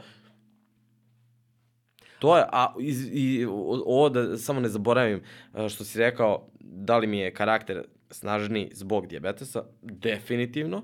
Uh, ono što sam rekao, izgradio me kao ličnost. Shvatio sam uh, po meni u nekom dobrom trenutku za mene šta znači u stvari život. Mm, sad ću da zvučim kao ono da imam, ne znam, 60-70 godina pa sam kao naš ono ja kao ovaj, pametujem, ali uh, stvarno uh, ljudi kada vide kako ja živim, često dođu pa mi kažu kao, mislim imam ovaj, jako dobrog prijatelja koji je uspešan u, u svom biznisu, stvarno uspešan, ali on meni često ovaj, dolazi i govori kao, kad bi ja kao mogao da živim kao ti. Kao ti četiri puta bolje živiš nego ja. Pritom se tu uopšte ne govori o materijalnim stvarima. Ja kažem, ko tebi brani? Ja samo radim ono što volim. I ja svaki svoj dan pokušavam da ispunim što je više moguće sa pozitivnim stvarima, odnosno sa stvarima koje mi prijaju. To je to, moja filozofija. Mada budemo okruženi ljudima koje, ovaj, koje mi prijaju, koje volim, eh, da, da prosto imam vremena meni je najbolji moment, evo, u, u mom postu, ja sam novinar po struci, ovaj, meni je najbolji moment što ja mogu da izađem u, ovaj, kad poželim u jednu kafeteriju, pošto sam ja iz stare pazove, imamo jednu malu kafeteriju, tamo da izađem da popijem kafu. To je meni ono highlight dana. Bez toga, ono da budem, ne znam, ja nisam taj lik da budem, recimo, u, u ovaj, e, kancelariji 8 sati, mislim, uz dužno poštovanje svih ljudi koji rade takav posao, svaka čast, ja kažem ja nisam. Jednostavno, mene to ne prija. I, i meni je ovo, ma vidi da mi ponude ne znam šta, ma otprilike ne. Meni je to ono i, i ovaj, prosto, ne znam, imam svoju neku filozofiju života. Moram da kažem, imao sam tu sreću da mi je porodica takva kakva mi je, u smislu da stvarno ovaj, sam stalno dobio njih ogromnu podršku, da meni je e, sestra psiholog i sigurno da ona imala mnogo uticaja da ja, da kažem, danas imam razmišljanje kako imam. Ovaj, I vjerojatno iz e, mnogobrojnih tih razgovora sa njom, ali i pogotovo sad ovih poslednjih 7-8 godina od kako je psiholog aktivno uključen u Diabetološki savez Srbije i aktivno uključen u stvari u našim aktivnostima koje sprovodimo, uvideo sam koliki je stvarno značaj psihologa. Nećeš verovati, mi kada, na primjer, na našim kampovima stavimo u program psihološka radionica, ono, učesnici prvo što urade kad vide kao psihološka radionica, kao, kao, znaš, smo mi ovde ludi. Mislim, onaj klasični tabu koji već godinama postoji u Srbiji, mislim ja, po mojoj nekoj skromnoj proceni, nisam kompetentan ja da komentarišem da li jeste ili nije, mislim da smo se malo pomerili na toj lestvici, da je malo to sada kao normalno da pričaš sa psihologom, psihoterapeutom. Mislim da su vratno doprinali ove serije i filmovi gde je to kao potpuno normalna stvar, pa kao smo i mi malo ovaj taj neki balkanski naš ovaj, sindrom pomerili da je kao ok i da kažeš da psihologa. Uh, ali tu sam uvideo koliko od momenta kada vide u programu psihološka radionica do momenta pr završetka prve radionice, oni koji su ono u fazonu, kad će sledeća? Jo, kad će sledeća? Je, na našim nekim tim kampovima što organizujemo, često pravimo ovaj, evaluaciju kampa svakako, ali recimo očekivanja. Kada dođu prvi dan, potpuno anonimno želimo da, da nam napišu koje su njihove očekivanja. Tu dobiješ najjasniju sliku. Kad je anonimno, onda je, što se kaže, u glavu. Onda svi smeju sve da napišu. Uh, verovo ili ne, ok, svi očekuju ovaj, i druženje, da nauče nešto novo, ali trećeg dana kampa ponovimo isto. Isto ono. Treći dan. Pa ja ne znam, mislim da, da ono, ne postoji ovaj papirić na kojem ne piše kao psihološke radionice fenomenalna stvar. Poslednji dan evaluacija, još jednom ono, ovaj, tražimo od njih da kažu e, kako, im, kako su oni videli kamp, ali da nam kažu šta bi oni, na primer, uneli, dodali, izmenili. Veruj mi, ja mislim 90% već poslednjih 6-7 godina dodajte još psiholoških radionica. Znači, od ono, za šest dana, to je taj totalni, ovaj, samo da vide koliko to njima, na primjer, prija. E, imali smo situaciju da, da ono traže čak jedan na jedan. Kao, ja, ali mogli mi samo malo kao jedan na jedan da razgovaramo. Meni je to fenomenalno. Pa mislim, nije upitno i nije, nije iznenađujuće da se to menja i mi slažem se sa tobom, ja imam danas i prijatelji i ljude koji otvoreno pričaju, znaš, nije više tabu kao, zato što vi, nisi više lud ako pričaš sa psihologom, nego je prosto postala uh, Ja, mislim da moramo da, neophodnost, mislim da moramo da, da, da to nekako ono, normalizujemo, znaš. Da, znaš, da to bude ono, kao taj čovjek je edukovan da tebi pomogne. Kao, ali ja nemam problem, brate, znači imaš ga 100%. Imaš, znači, imaš, ga, imaš, da. to kad mi kaže ovako, ali ja nemam problem, o, ja, druže, sedi. znaš kao, aj ti sedi, imaš. da, da. Jer, e, e, jako mi je zanimljivo e, što smo, ono, mi kao samo ako baš se desi nešto, e, onda kao možda bi otišao. I e, po meni, naravno, mislim, ne, moramo da se vratimo ono kao, ok, živimo u Srbiji, ne možemo ni da priuštimo baš sad sebi, ono, da idemo kod psihologa preventivno, ovaj, jer sve to iziskuje određena novčana sredstva, to jest izdvajanja, ali ovaj, generalno mislim da stvarno sa psihologom jednom u šest meseci sigurno ima šta da... Sigurno. Čak i da mu samo ispričaš e, šest meseci, on će da prepozna da li negde nešto treba da u diabetesu možda pričaš sa psihologom o mnogo čemu. Pa čak i o tom odnosu, recimo, roditelj ovaj, dete. I to da, na primjer, dete priča sa psihologom i kaže, recimo, meni smeta kad roditelji to i to. A to roditelji vide totalno iz druge neke prizme. Evo, zašto je onda tu psiholog? Da reši to. Da dete vidi, recimo, pravu prizmu, a da roditelji isto vide prizmu deteta i onda da pokušaju da usklade te dve prizme, recimo. Mislim, ja sada ovaj, malo to banalizujem, karikiram, ali, recimo, e, ako mi dozvoliš, ja ću iskoristiti priliku da, da spomenem da ovaj, Diabetološki savjet Srbije je pre godinu dana pokrenuo takođe jedan podcast ovaj, u, u kojem je ovaj, zastupljen upravo psiholog koji negde daje e, tehnike za prevazilaženje određenih situacija kroz koje osoba koja živi sa diabetesom u određenom momentu života prolazi. I ono što je e, zanimljivo, što tebi, na primjer, ti možeš da živiš sa diabetesom 5 godina i da ti se u tih prvih 5 godina desi, recimo, neka od tih stvari koje je ona obradila u podcastu. Ali isto tako može da ti se desi da ti se to isto desi tek sa 15 godina života sa diabetesom. Nema tu nekih sad pravila kao, e, ovo će se sigurno desiti u petoj godini. A ovo će se de... Mislim, prosto živa. Nema faza. Ne, nekih faza ima u diabetesu. O ovome o čemu pričaš sada. Ali ovo sada, prosto ne. Ti ne možeš, recimo, obradili smo nedavno ovaj, temu ljubavi i diabetes. Meni ta tema, recimo, jako zanimljiva, iz prostog razloga što sam se stvarno za, za ovih posljednjih, ne znam, recimo deseta godina naslušao raznih priča. Mislim, ja sam imao tu sreću da, da ovaj, moja devojka je, znaš, ona nije imala pojma o diabetesu. Ali, recimo, šta je mene kupilo? kada smo, ajde da kaže, zvanično u, u, ušli u, u vezu, znaš, ono kad smo uopšte zakačili temu dijabetesa, ona je sutradan, fazon, pri našem prvom sledećem susretu, došla sa već ono pripremljenih par nekih pitanja, tačno vidiš ona je to čitala na netu, znaš, gledala, ja pa da li, ali kao vidiš kako ovo, kako ono, mene to na primjer kupilo. Meni je to bilo sjajno, fenomenalno. Znaš, ona se interesuje. Znači da je stalo. Da nije je bila u fazonu, jo, ali pristup bi je vjerojatno bio onda možda drugačiji.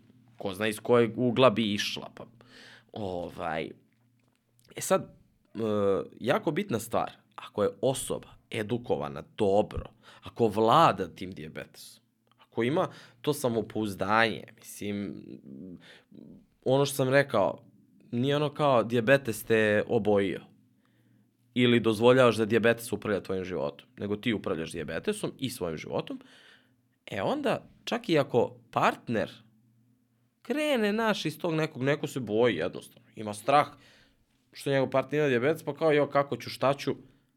E sad, tu na scenu stupaš ti, ako ti zaista želiš nešto od te veze, ti ćeš pokušati da edukuješ svog partnera. I da mu pokažeš, e, vidi, ovako, ona, mislim, E, zato stalno pričam kao, mislim, ne kao, nego zato stalno pričam, ljudi, edukujte se zbog sebe. Zbog sebe. Pomozite sebi, a onda ćete videti da li ćete širiti misiju na porodicu, rodbinu, komšiju. Neko će da dođe i da kaže, e, ljudi, ja hoću bre da napravim, ono, ne znam, tribinu o diabetesu. Ja hoću ovo, ja, ja ću da pravim i, i eto, i želim. Evo, sad sam video koliko ja nisam znao, ko zna koliko još tako ljudi. Ja sam stvarno u, u svojom 13. i 14. godini staža života sa diabetesom, bio u fazonu kad sam prošao kroz jedan od kampova, bio sam u fazonu, bukvalno sam stao i rekao sebi kao, au, kao šta sam ja radio 13-14 godina. Bukvalno me oduvalo. Je, sećam se kao juče, ja kao, ono, a ja, pritom po prirodi, sam neko ko voli sve da zna, da istražuje. I ja kad sam došao na taj kamp, došao sam sa ozbiljnom predrasudom. E, šta Da će oni mene da nauče. Ja sve znam, držim u malom prstu. Završio se kamp, a ja ono, seća se, došao kući, pričam mojima, krenem da primenjujem to znanje. E, tu, kad sam video prvi efekat, to je to. Tad sam dobio krila, ozbiljna krila, stvarno. Mislim, a kako sam uopšte došao, mislim nisi me sad ovaj, pitao, ali... Iz... Pitaj ti sebe. Da, Na, ne, ne, nastavi, ja, ja se. vodim Da, ceo da. podcast, nije Ne, problem ne, kao ovo-. Jako- Kao Ivan je izašao kao pre još 10 minuta. ali vratit će se. Šalim.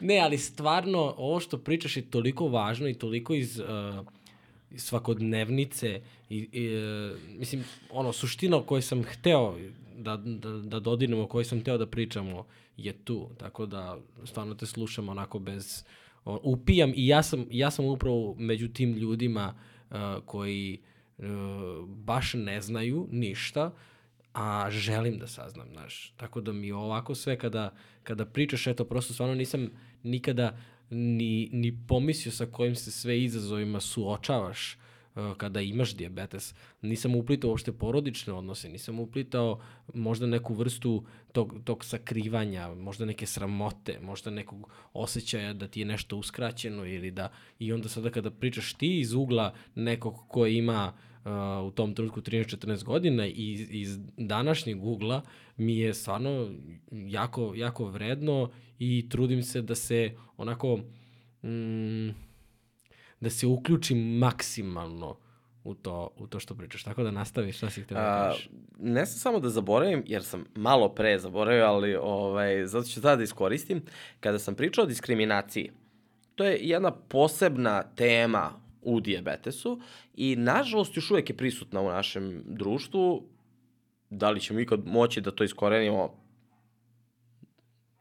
ne bi da, da zvučim pesimistički, jer sam po prirodi optimista veliki, ali teško. Uh, možemo da je svedemo na minimum minimuma. Mislim da je to real, realnije. Ali prošle godine uh, izdali smo prvu publikaciju na temu uh, stigme i diabetesa, naslov knjige Mi i drugi, autorke Elisavete Fotić. Uh, ona je uh, dugo godina takođe aktivista i uh, ona je završila master rad upravo na, na tu temu uh, i izdala je kompletnu knjigu, mislim, to jeste publikacija, ali u koricama knjige fenomenalno. Ona je prepričavala i u toj uh, knjizi ima fenomenalnih primera kako su ljudi u nekim situacijama postupili isto tako daje e, i naučni ovaj moment, ali daje taj iskustveni, daje kako su se određene osobe ponele u situacijama kada su bivale diskriminisane, kako su i na koji način bile. Tu je stvarno ovaj, jedna knjiga koju, koja je namenjena ne samo osobama sa diabetesom, nego opštoj populaciji. I znam, kada smo uradili i, i promociju te publikacije, koliko ljudi kada su onda čuli neke odlomke, samo su bili kao, stvarno, to se dešava. O da, ono, to se dešava. Tome živimo, u tom svetu živimo. I ja ne mislim da je samo diabetes nešto što je dis diskriminisano. Ovaj, mnogo još bolesti u Srbiji ti ljudi su izloženi raznim vidovima diskriminacije. Kod diabetesa je uh, zanimljivo što on nije toliko na oko vidljiv kao bolest. Ti sad mene da sretneš na ulici, da li bi rekao da imam diabetes? Po čemu? Mislim, znaš, on kao i da je odgovor potvrdam kako. Osim ako me ne vidiš da dajem sebi insulin. Ali, ovaj, zato onda pri spomenu toga, ja imam diabetes, ima moj stric. I onda, znaš, ako neko zna povezivanje, kao njemu su, znaš, ono tipa, ne daj Bože, ostao bez noge, ja, kuku i slično. E sad, ja, na primer, iz ove današnje pozicije, ja obožavam te situacije, mislim, obožavam. Ja volim kada mi ljudi dođu sa takvim stavom, sa takvom nekom predrasudom, jer ja odma kažem, ok, i ne treba mi puno da im pokažem neki par drugih primjera, da im objasnim šta, kako, da bar ovaj, malo vide da postoji neka druga ovaj, dimenzija diabetesa, da nije samo slažem se da treba budemo jako obazrivi kada je diabetes u pitanju i od diabe diabetesu treba pristupimo jako disciplinovano, diabetesu treba pristupimo jako ozbiljno koliko god, evo, ovo sve što ja govorim, možda zvučalo nekom kao to je mači i kašalj. Uh, malo pre kada si ovaj, pričao, uvek mi prođe kroz glavu kao koliko na dnevnom nivou osoba koja žive sa diabetesom donese više odluka nego zdrava osoba. Neke procene su 80% više čak odluka.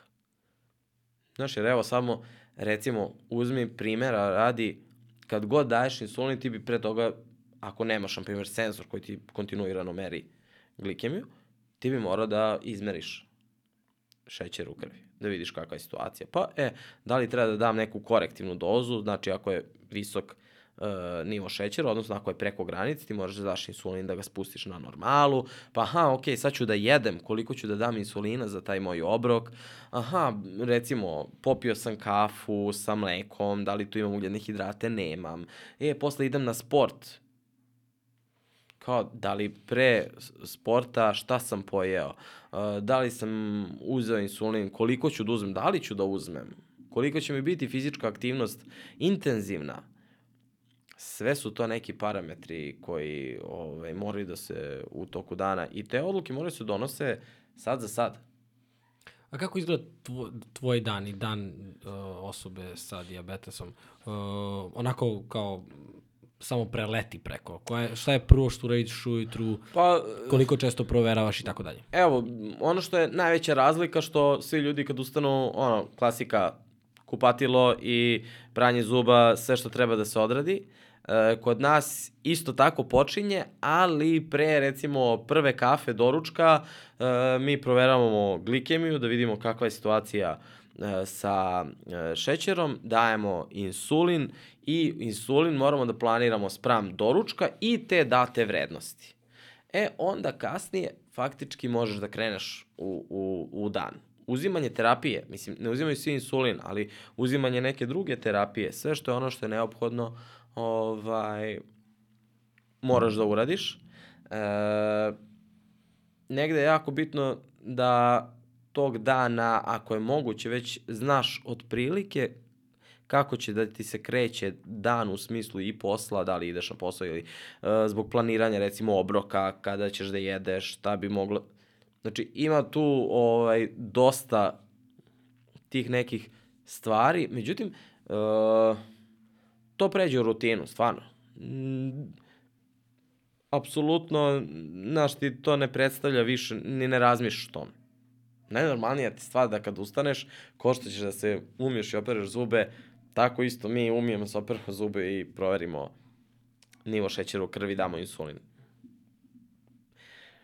Prosto ti je to ono kao podrazumevati se.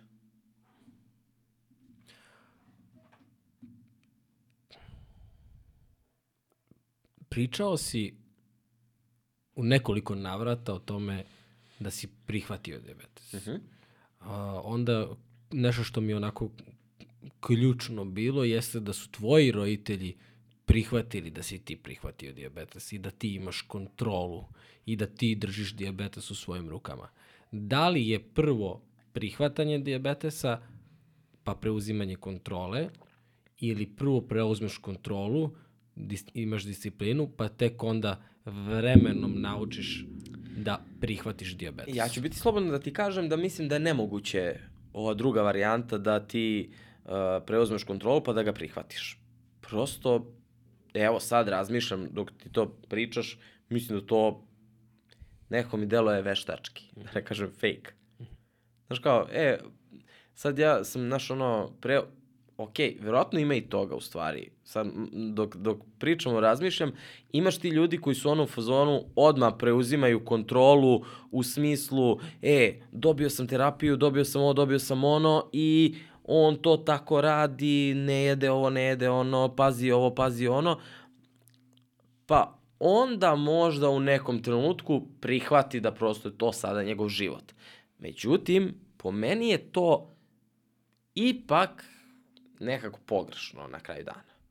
Jer ti si znači sebi ono kao, ok, u lupom, u 8 sati uzimam terapiju, u 8 i 20 doručkujem, u ovo, ovo, i sve imaš isprogramirano, nekako, znaš, evo, bukvalno i kao što sad delujem dok pričam, ja mislim da oni tako žive.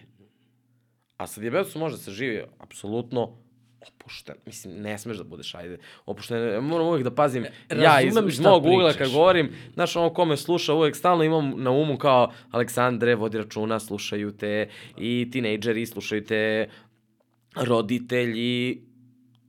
Znači, možeš da budeš svoj na svome, po meni je jako bitno to prihvatanje, Možda, kad bi mogli, stvarno, kad bi mogli nešto da programiramo i da, da ljudi, znaš, ono, za kratak vremenski period prihvate da su prosto dobili diabetes i da krenu sa tim zdravim navikama.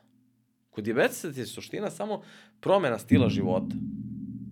A šta to znači? Pa promena stila života u smislu ono, e, uvođenje zdravih navika koje bi svi inače trebali da imamo, Samo što jednostavno ne poštuje. Redko ko poštuje. Ali ti onda ni ne dođu se situaciju diabetes, ali ovaj, u većini slučajeva.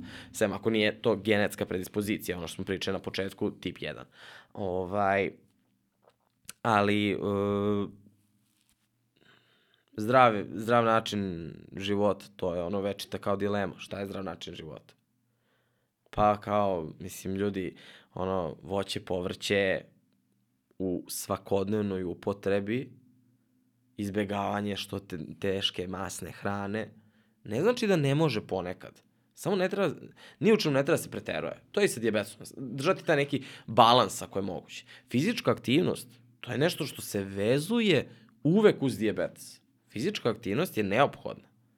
Ona je stvarno neophodna. Da li mršavi ljudi, sad s obzirom da smo spomenuli, da li mršava osoba može da ima diabetes? Da, da, naravno. Pošto se, spo, pošto se nekako to i povezuje sa gojaznošću. sa gojazn, Mhm. da. Ali može apsolutno i mršave osobe mogu da ovaj, dobiju dijabetes. Nema tu pravila ovaj, sad da će isključivo, mislim, jeste predispozicija za tip 2 kod gojaznih mnogo, mnogo veća.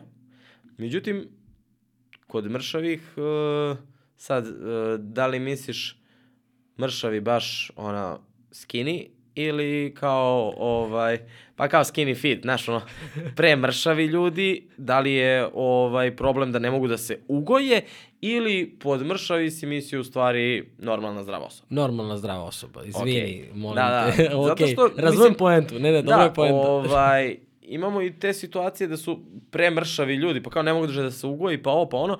Naprimjer, dešava se da uh, ljudi koji na vreme ne prepoznaju te neke ovaj, simptome dijabetesa, gube na kilaži, jedu. Jedu konstantno, gube na kilaži, gube na kilaži. A u stvari imaju dijabetes, a ni ne znaju. To može da se desi. Zato sam te ovaj, pitao o skinny fit, ovaj, to mi prvo palo na pamet, izvini. Ovaj, e, normalna zdrava osoba, samo redovna kontrola. I to je to, redovno, ljudi, redovna kontrola. Znači ono kao, e, pokušao sam ljudima e, često da kažem za psihologa da kao e, taj novac što ćete dati psihologu za razgovor, gledajte kao da ste uložili u sebe. E, isto to, samo još možda na još jednom nivou iznad je vodite računa o svom zdravlju, pa za toliko možete da proverite klasičnu krvnu sliku jednom u šest meseci. Mislim, mislim da stvarno ovaj, to nije ne znam koliko veliki izdatak za, za kućni budžet da se izdvoji na šest meseci. Uh, da ne pričam ako već ste u nekom riziku, onda bi trebalo i na tri. Dešava se, ovaj, sad da ne ulazim previše u te medicinske ovaj, stvari, uh, znaš, kod gojaznih ljudi, pa višak masti, zna da se, ovaj, pretoči u, u, u šećere, jedan deo ćelija uzme, drugi se ne obradi, pa masti ovaj, odlaze u uh, šećere i onda, na primjer, može da se desi da mršava osoba, ono što si me pitao, koja ima povećan nivo masti, dobije diabetes zbog povećanog nivoa masti koje su se faktički pretočile u ovaj, šećere i onda posle nekog vremena to dovelo do nastanka dijabetesa. Hoću da se vratim na prihvatanje. Kako si ti prihvatio? Da li je to taj kamp na kom si mislio kad si otišao da sve znaš pa si zapravo video da tu postoji nešto mnogo više ili, ili je neka druga situacija?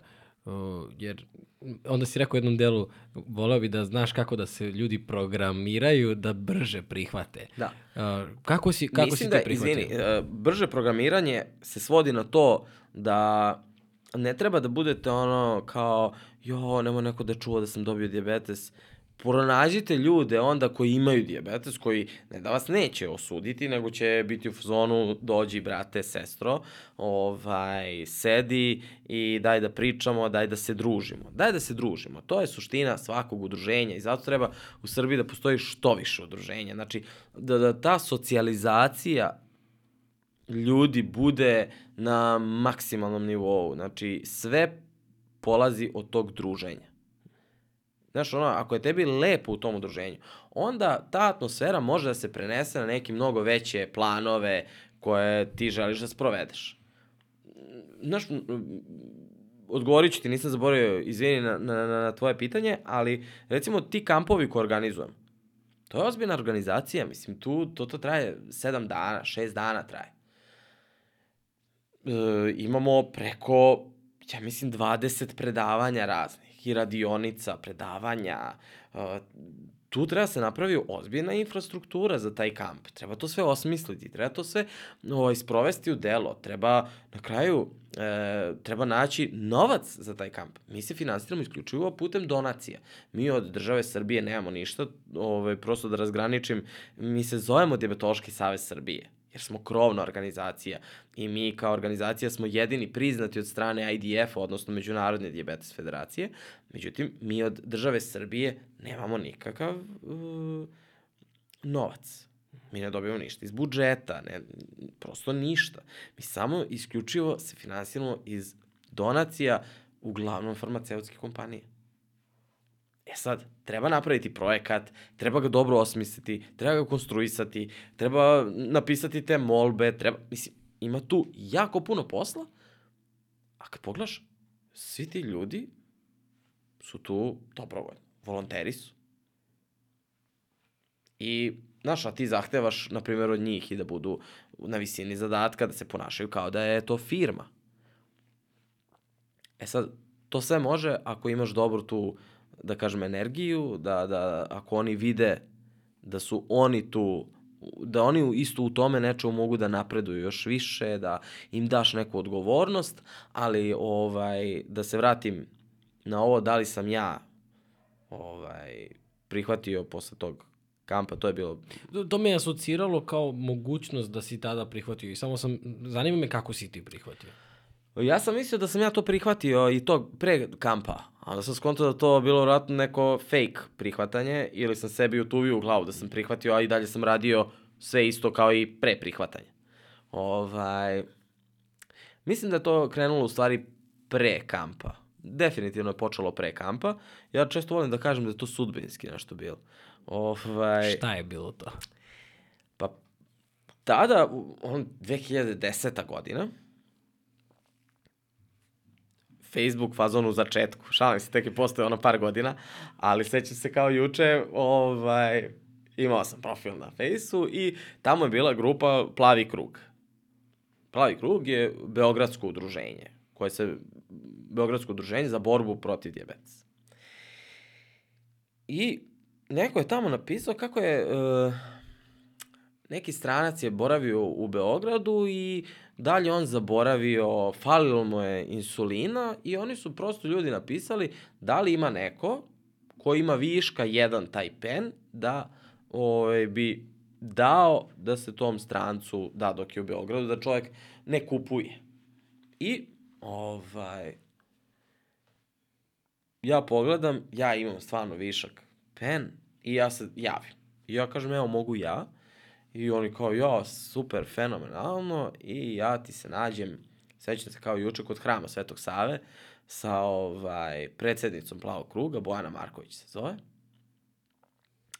I kao, ćemo popijemo kafu, evo, doneo sam, ajde, sednemo, popijemo kafu, ona isto ima diabetes, starija od mene par godina, ovaj, sad će se nasmeje kad bude ovo čula kako sam je počastio kao par godina. ovaj, I mi smo na toj kafi proveli, ja mislim, dva i po sata. Prvi put se idemo u životu, dva i po sata gde ono fazon, ja njoj da kažem ona meni, ja njoj ona meni, kao da se znamo ne znam koliko dugo.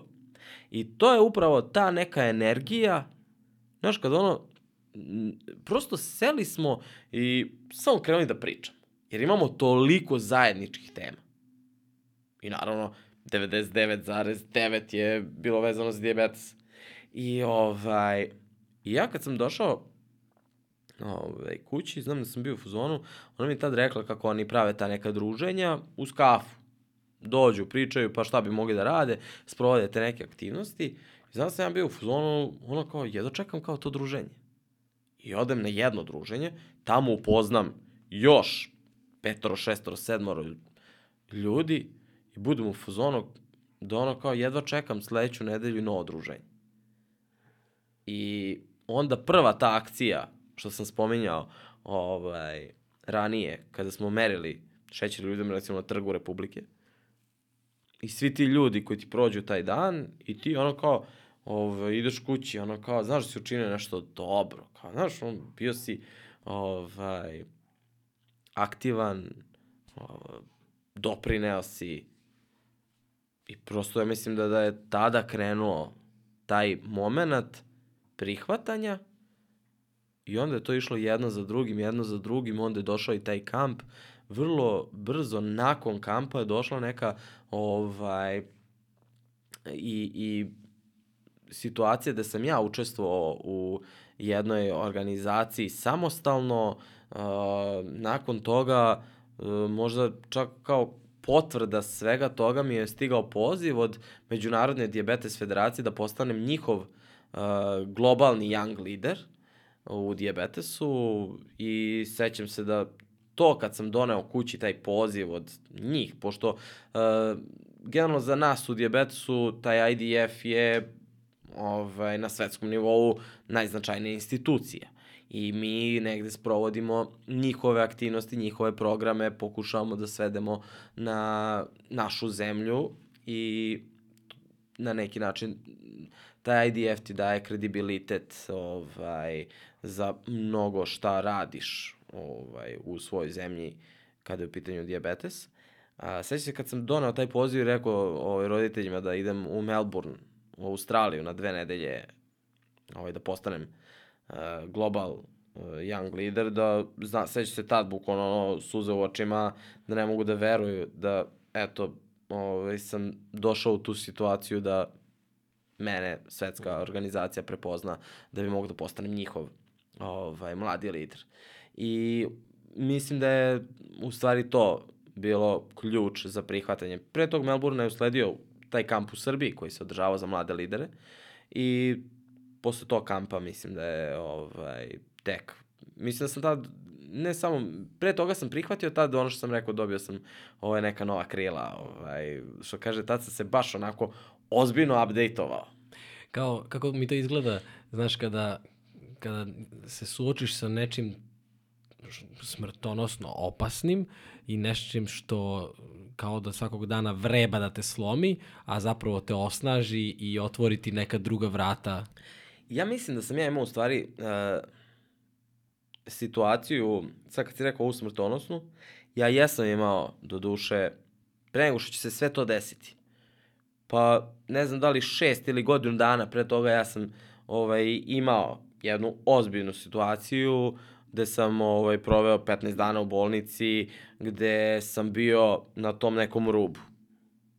Ovaj, ali to je taj deo što sam isto spomenuo, ja sve pričam otvoreno iskreno, ovaj, da bi ljudi shvatili, ja nisam bio disciplinovan. I to me je dovelo do te situacije da skoro ovaj, ozbiljno ugrozim svoje zdravlje i na neki način sam ga tada i ugrozio. Na moju sreću i sreću moje porodice, prijatelja, ovaj, nisam, ajde da kažeš, nastradao i ovaj, izvukao sam se iz toga. Nisu bile neke fatalnije posledice. I onda mislim da je i to bio moment za taj neki klik. Uh, dugo sam ljudima pričao, nemojte da dođete u situaciju da udarite glavom o zid i onda kao, e, sad ću. Jer ja sam na neki način udario i hvala Bogu ustao sam neko udari, pa ne, ne, ne može da ustane. Uh, nemoj da čekate taj trenutak, danas, odmah, sada. Najviše mrzim ono sutra ću. Kao idi, idi proveri krvnu sliku. Mislim, sad stalno pričamo o toj krvnoj slici, ali ovaj, najbanalnija stvar. Mislim, svi sada imaju te aparatiće, pa čak odete u apoteke, određene apoteke će da vam iz prsta, ja mislim, izvade. Mislim, komšija ima aparatić. Idi kod komšije proveri. To ti je dva minuta. Nije ni dva. Da, da bi dobio rezultat, treba 5 sekundi kada ovaj, prisloniš. Koji su, koji su sve simptomi? Spomenuo si uh, da jedemo, da ne možemo da se ugojimo. Koji još simptomi? Ne, to, to znam da se dešava, izvini, da mršaviš uprkos tome što ovaj, ne da ne možeš da se ugojiš, nego da prosto ti jedeš, a mršaviš.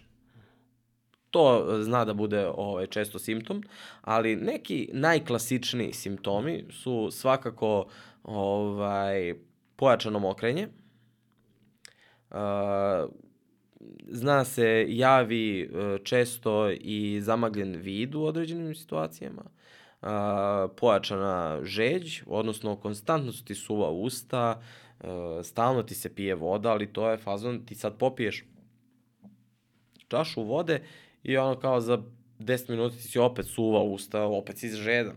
I onda konstantno ideš mokriš.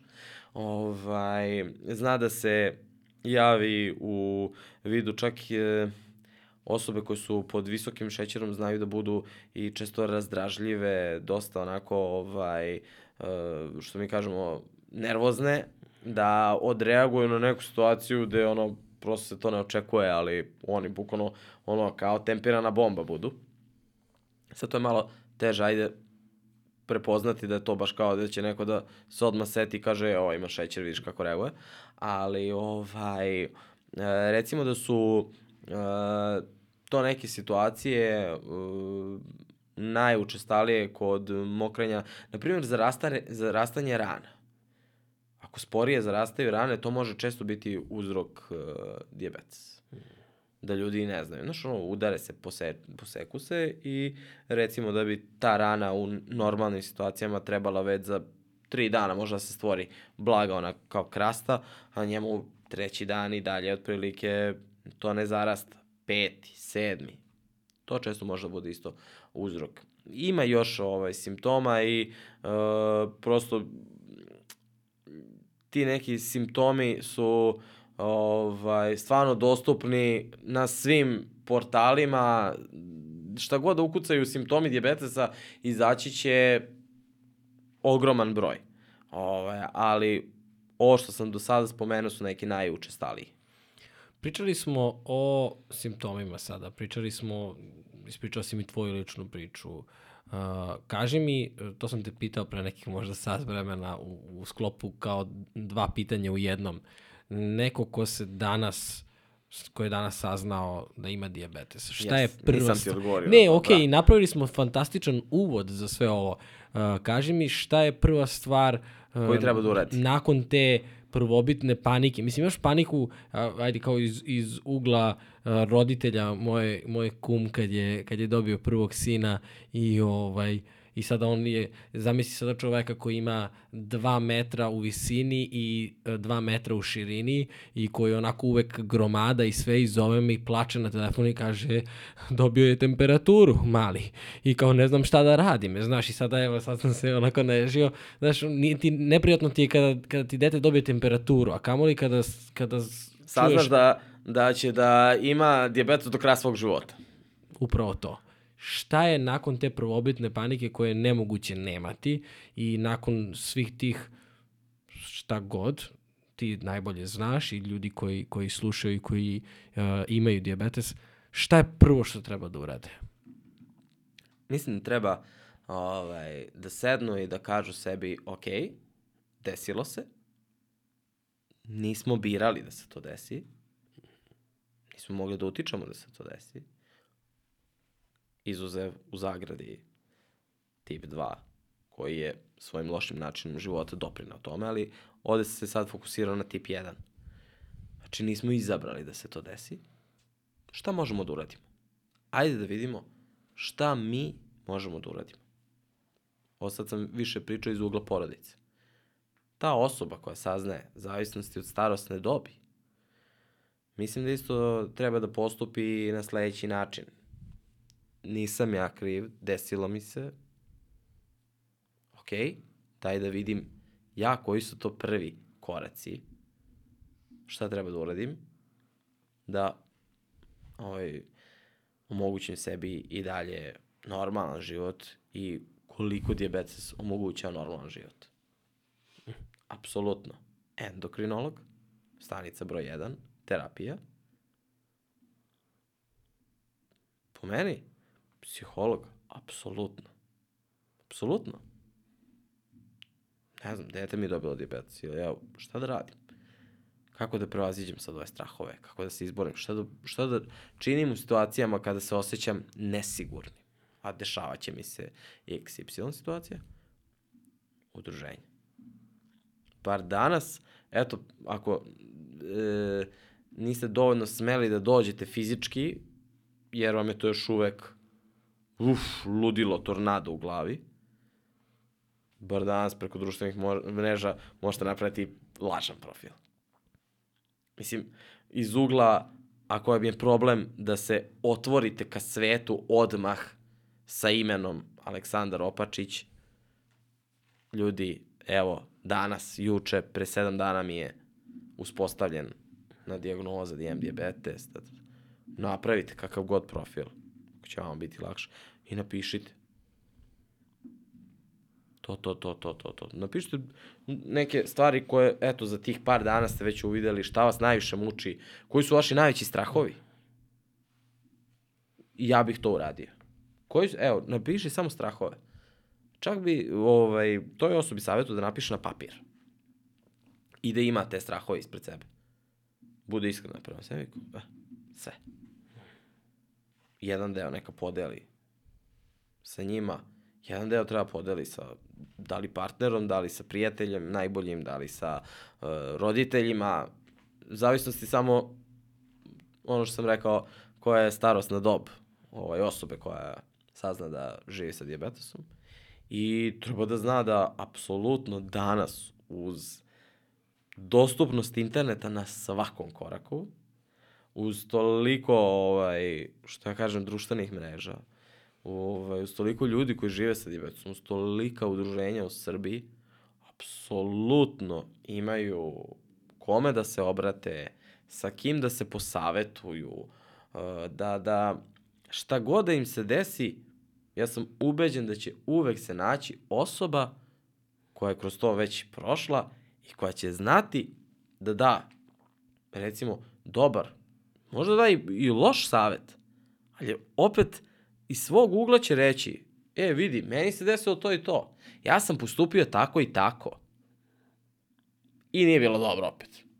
Pa ti sad iskoristi, mislim, ali možeš već da znaš šta će da te očekuje na neki način u toj situaciji, recimo.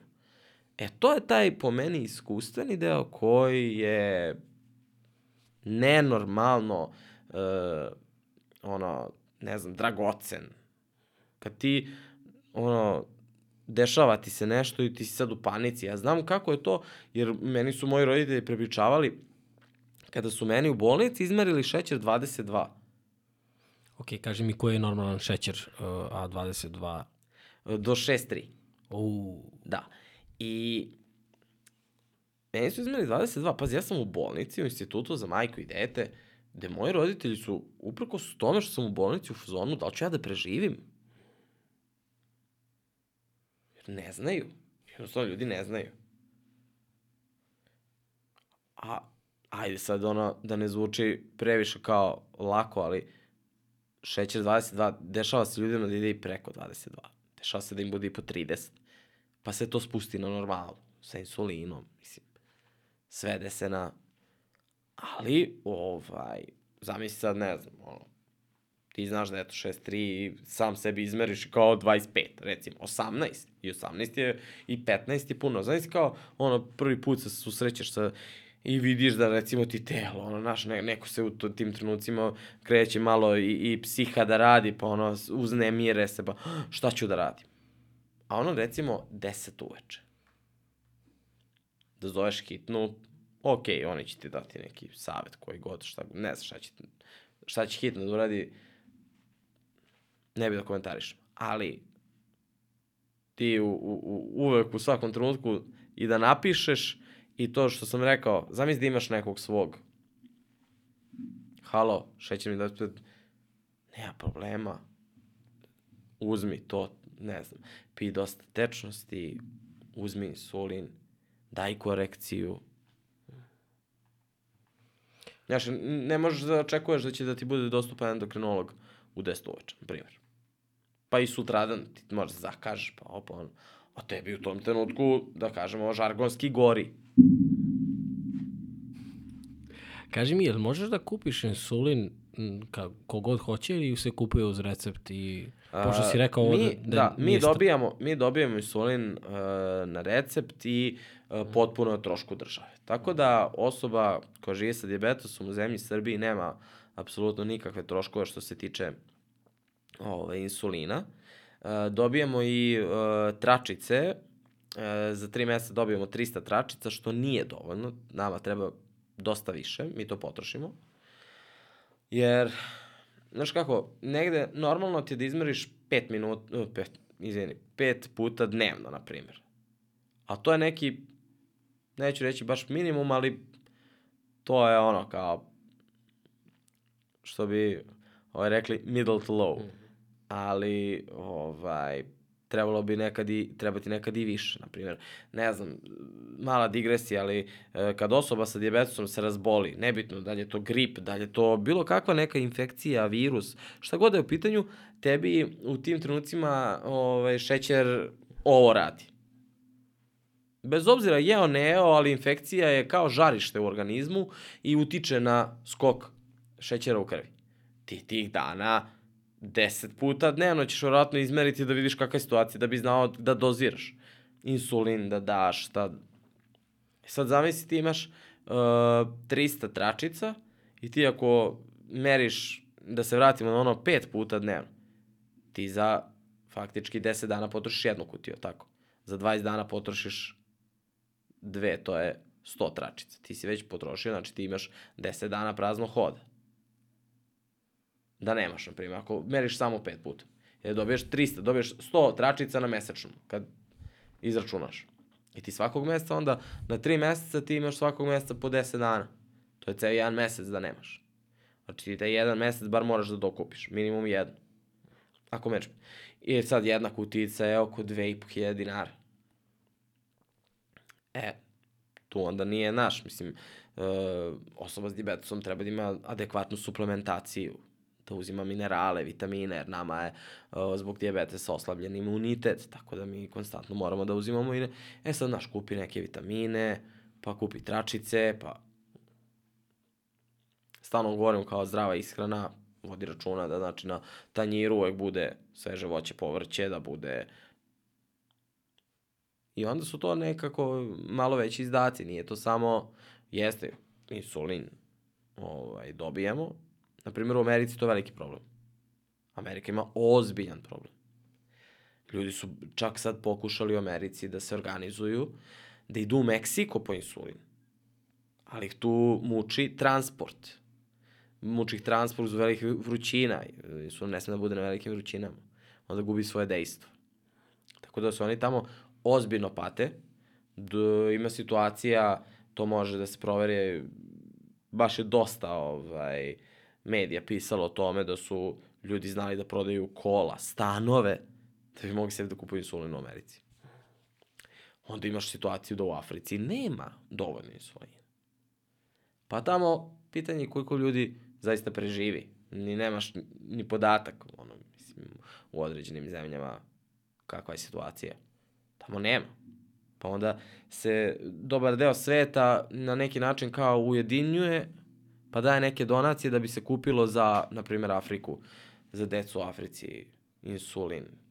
Pa u, recimo, takođe u Africi, čak mislim da je bilo i pre u Indiji, se tračice prodaju na jedan komad. Jednu tračicu, prodaju ti jednu tračicu. Što je, mislim, stvarno za današnje vreme nezamislio. Ali onda kad odeš gore u Skandinaviju, naravno tamo svega u izobilju i najnovija tehnologija. Ne mogu da, da stvarno grešim dušu, mislim da je Srbija u poslednjih par godina se stvarno pomerila na toj lestvici da idemo ka napred, da idealno, pardon, da idealno nije, ali ovaj, mislim da se polako pomeramo, ali u tome treba da učestvujemo svi zajedno. Mislim, to je ono neprestana borba, nas naravno kao ovaj pacijenata, ali mislim i celokupnog društva, kada bi se celokupno društvo isto aktiviralo, kada bi ovaj malo podigli tu preventivnu na veći nivo, mislim da bi to bilo ovaj daleko bolje. Mislim da sa, sa ljudima kao što si ti i sa tvojom, uh, tvojim timom, ekipom iz, iz udruženja, mislim da je ta promena moguća, mogu da je vidim. Ovaj, imaš i tu energiju fantastičnu koja je pokretačka, čak i kada se priča o nekim stvarima koje... Mm, teško je zadržati osmeh. Ja razumem, sada te mnogo bolje razumem. Kada, kada smo počeli razgovor, smeškao si se, znaš, i pričaš i, i vidim entuzijazam, ali mi je malo kao, znaš, čekaj, pričamo o, o tako ozbiljnim stvarima. Sada, evo, dva sata kasnije, uh, potpuno razumem i vidim tvoj pristup mnogo bliže nego pre dva sata. I jedini način zapravo da da se sve to promeni jeste upravo sve ovo što radite. Gde ljudi mogu da uh, pronađu tvoje udruženje. Ja ću ostaviti sve linkove i sve ovo o čemu budeš ti sada, sada pričao. Uh, kaži mi o udruženju, kaži mi o kampovima, šta ljudi mogu da očekuju. Evo, tebi pišu ljudi očekivanja od kampa. Sada mene zanima da mi ti kažeš šta mogu ljudi da očekuju kada se obrate vama kao udruženju. Uh, samo da razgraničem, uh -huh. mi smo Diabetološki savez Srbije. Savez je krovna organizacija na nivou cele Srbije i pod Savezom, u stvari Savez čine lokalna udruženja. Pa je tako recimo malo pre spomenuti Plavi krug iz Beograda, udruženje koje je u sklopu Diabetološkog saveza Srbije. Pa imamo recimo Plavo srce koje je u Novom Sadu, pa imamo u Subotici udruženje, pa u Vrbasu imamo, pa u Boru, Majdanpeku, Vranju, Nišu, Zaječaru, uh, Prokuplju, da nekog ne zaboravim, Smederevskoj palanci, uh, to su sve lokalne udruženja koja su pod uh, okriljem Diabetološkog saveza Srbije ja kad god mi se neko javi i kaže ja, ja bih da pristupim Diabetološkom savezu Srbije, naravno da mi je zadovoljstvo što to čujem, ali e, treba da se uključe u stvari u lokalno udruženje i samim tim su deo saveza. E, savez je e, tu da sprovodi Eh, aktivnosti na nacionalnom nivou, projekte na nacionalnom ovaj, nivou, da zastupa interese i brigu osoba sa diabetesom kod Ministarstva zdravlja, kod fonda, da pregovara, da učestvuje u pregovorima i to je ono što mi kao savez radimo. Naravno da pomognemo eh, što većem broju otvaranju novih udruženja, ali i osnaživanju već postojećih. Eh, I mislim da je e, čitava suština i draž u stvari u tim lokalnim udruženjima. Ja često kad razgovaram sa predsednicima lokalnih udruženja, ja kažem, ove, vi treba da budete među ljudima. Da, da vas ljudi prepoznaju, da vas upoznaju, da kada su iz tog mesta ili iz nekog mesta pored, znaju da tamo ima udruženja kojima oni mogu da se obrate. Ima u Srbiji i udruženja koja nisu pod Diabetološkim savezu za Srbije. I gradova, mislim, u kojima su ta udruženja. Ja pozivam sve ljude iz tih gradova takođe da se priključe tim lokalnim udruženjima. Nebitno ko, da li su oni deo saveza ili nisu. Kogod danas nešto radi na temu diabetesa, samo da radi naravno ovaj, dovoljno odgovorno, da se ne igra s tim stvarima u smislu baš da, da pre, prelaze neku granicu sa savetima i sličnim stvarima pa da ne naškode, ne daj Bože.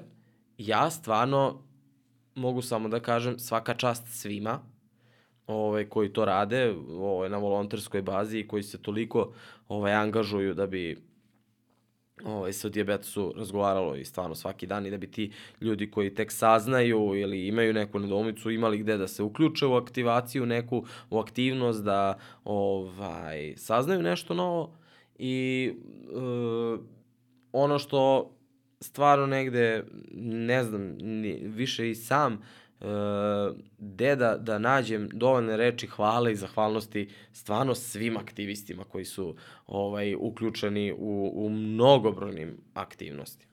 Kako na društvenim mrežama, tako i kada se organizuje neka aktivnost u njihovom ovaj, mestu i u, u njihovom udruženju, jer mislim da to stvarno, mislim da nismo svesni kolika je to u stvari volja, energija, želja. Volonterizam po meni uh, neću da kažem da izumira, ali prosto mi je danas, mislim da i neke novije generacije koje dolaze, mislim da nemaju toliko osjećaja za taj volonterski aktivizam. To je moj utisak. A, volao bi da grešim i volao bi da ovaj, mi pokažu da nisam u pravu, evo, bit ću najsrećniji. E, pitao si me šta je ono što Savez organizuje. Mogu da ovaj, spomenem trenutno šta je aktuelno uh, i šta je naravno u planu. Svakako nas očekuje uskoro kamp za mlade lidere, deveti po redu, malo nas je korona poremetila, sad bi već bio 11. Ali deveti po redu kamp za mlade lidere od 18 do 30 godina. Pokušavamo da ove, ovaj, osobe koje imaju od 18 do 30 godina edukujemo na tom nivou da oni budu prepoznati u svojoj lokalnoj zajednici kao recimo mi volimo da im stavimo titulu kao ambasadori diabetesa, ovaj, ali da ih edukujemo na tom nivou da oni preuzmu tu odgovornost, da postanu edukatori, da uh, prosto uh, pokušamo stvarno da probudimo u njima to neko liderstvo i ne učimo ih samo isključivo o diabetesu. Mi sa njima radimo uh, i uh, kako da napišu i osmisle projekat, kako da uh, recimo imaju radionice javnog i medijskog nastupa, imaju psihološke radionice.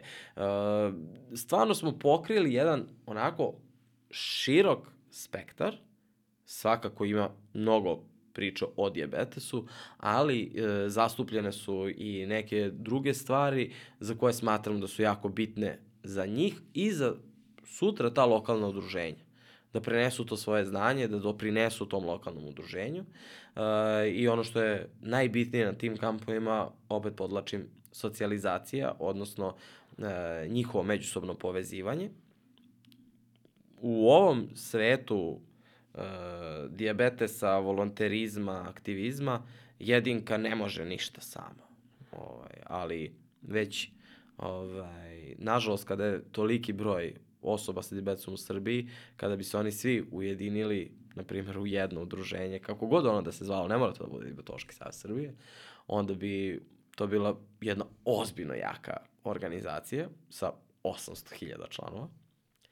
Uh, pored ovog kampa za mlade lidere, uh, u julu mesecu Savez će prvi put organizovati na jednom nacionalnom nivou kamp za decu uh, koja imaju diabetes, ali i roditelje čije deca imaju diabetes. Jer ono što sam danas ovaj, često spominjao uh, jeste da su nama stvarno u fokusu i roditelji. Nadam se da razumeju da mi spram sredstava ne možemo toliko koliko bismo mi voleli i koliko mi imamo volje i želje da ovaj, budemo aktivni i da radimo sa njima, ali konačno se ukazala prilika da jednu ovaj, grupu roditelja pozovemo na kamp i da takođe sa njima radimo na, na toj edukaciji. A, tako da želimo da napravimo jedan stvarno a, ozbiljan a, dečiji kamp i organizacija je stvarno velika. Uh, imamo decu, imaćemo decu od 7 do 11 godina koja će ići u pratnji jednog roditelja, dok će uh, od 12 do 16 godina deca ići samostalno, jer je to takozvani u diabetesu tranzicioni deo.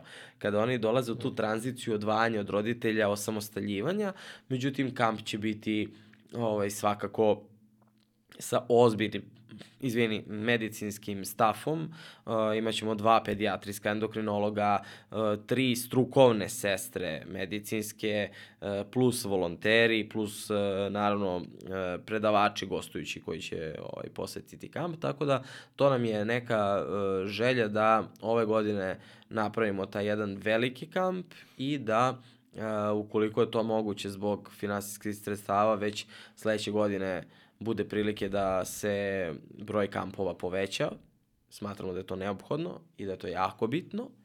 Uh, mi bismo i ove godine napravili više da su finansijske, da je finansijska situacija drugačija. Ali ovaj, polako, jedno po jedno, e, bitno je da postoji e, želja i volja, a svakako mislim da ni znanje nije upitno.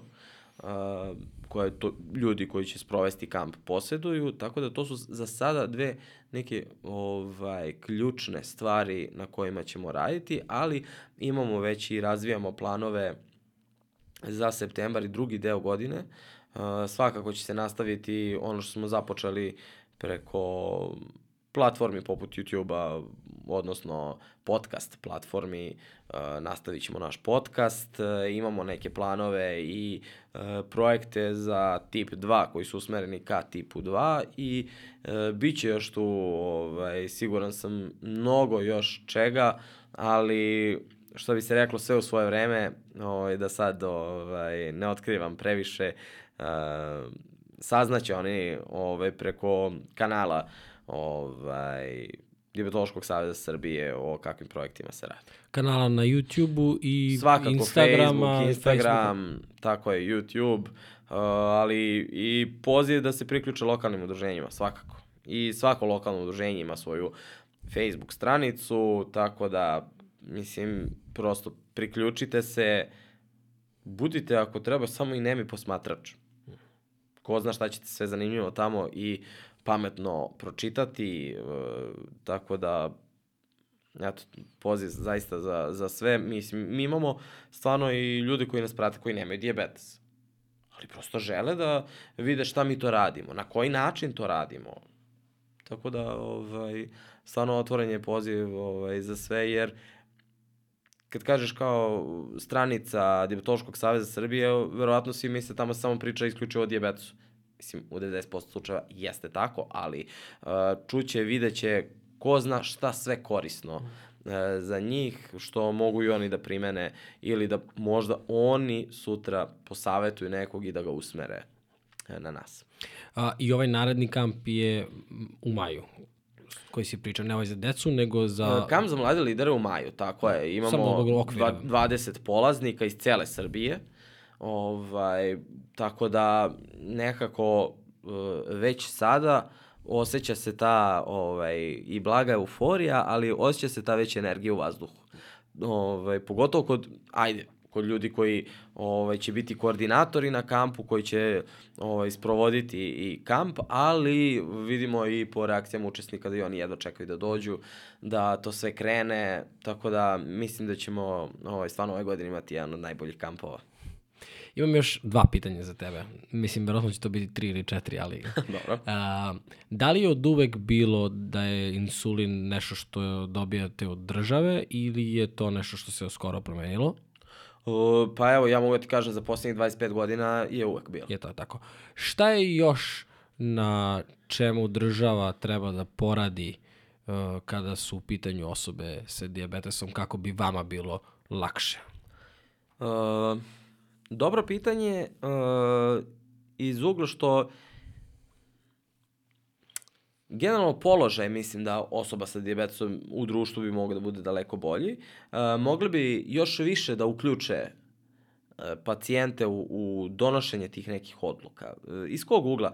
Ne tražimo mi da sad mi ovaj se isključivo pitamo da li će, ne znam, biti uh, recimo lek A ili lek B, daleko od toga.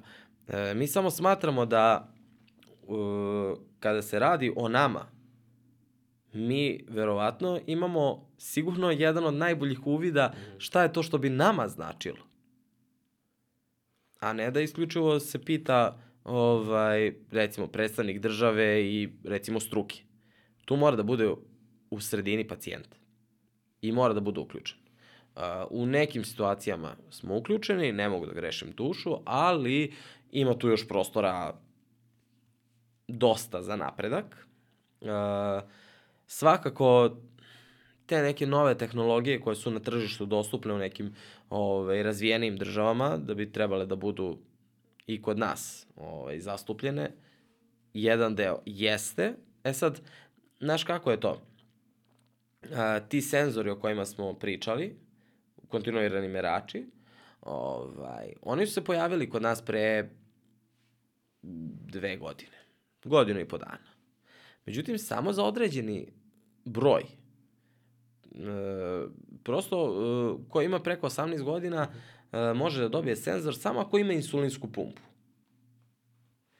E sad, ja nemam, na primjer, insulinsku pumpu, koja se takođe spram nekih kriterijuma dobija od strane fonda, odnosno države, ovaj, a taj broj nije veći od hiljadu. A ti imaš, na primjer, osobe sa tipom 1 u Srbiji kojih je, recimo, od ukupne brojke bar 10%, to je skoro, znači, 80.000 ljudi koji imaju tip 1. Od njih 80.000, samo 1000 ima pravo na senzor. E sad, deca sa nestabilnim diabetesom dobijaju taj senzor.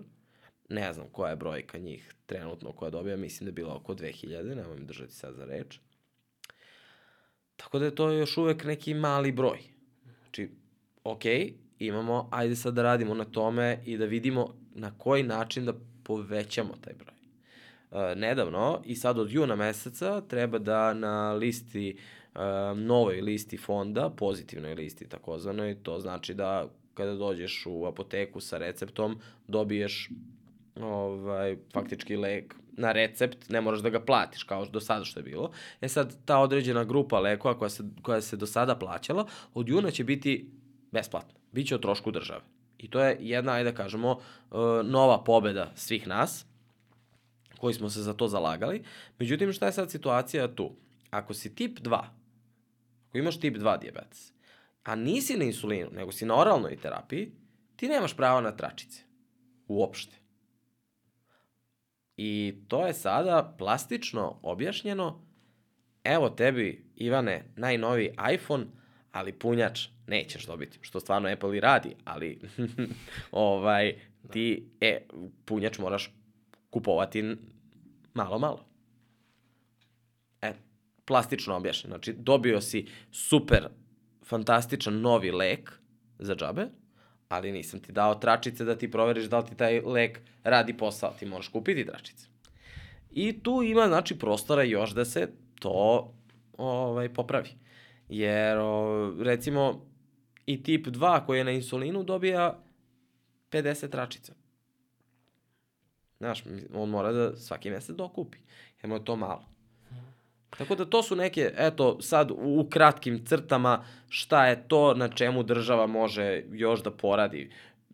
Kada bih širio priču, to bi svakako rekao ono, psiholog da bude o trošku države za svaku osobu koja živi sa diabetesom, koja želi da ovaj, ide na psihološko savetovalište. E, ima prostora prosto da, da, da se mnogo toga još uradi.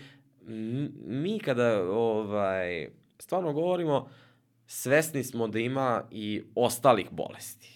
Mislim... Ne, ne, to nije upitno, izvini. Hoću odmah da te prekinem zato što je to o, nestabilan i klizav teren u, u kom ne želim, ne želim da u tom pravcu, zato što uvek će da postoji, to je začarani krug u koji ideš, uvek Tako postoji je. ono nešto gore, ali uh, definitivno je... Ne, ja samo teo kažem, nismo svesni svega i nikada nismo bili, znaš, ono kao, mora, daj, ok, ljudi, ovo je realna potreba samo.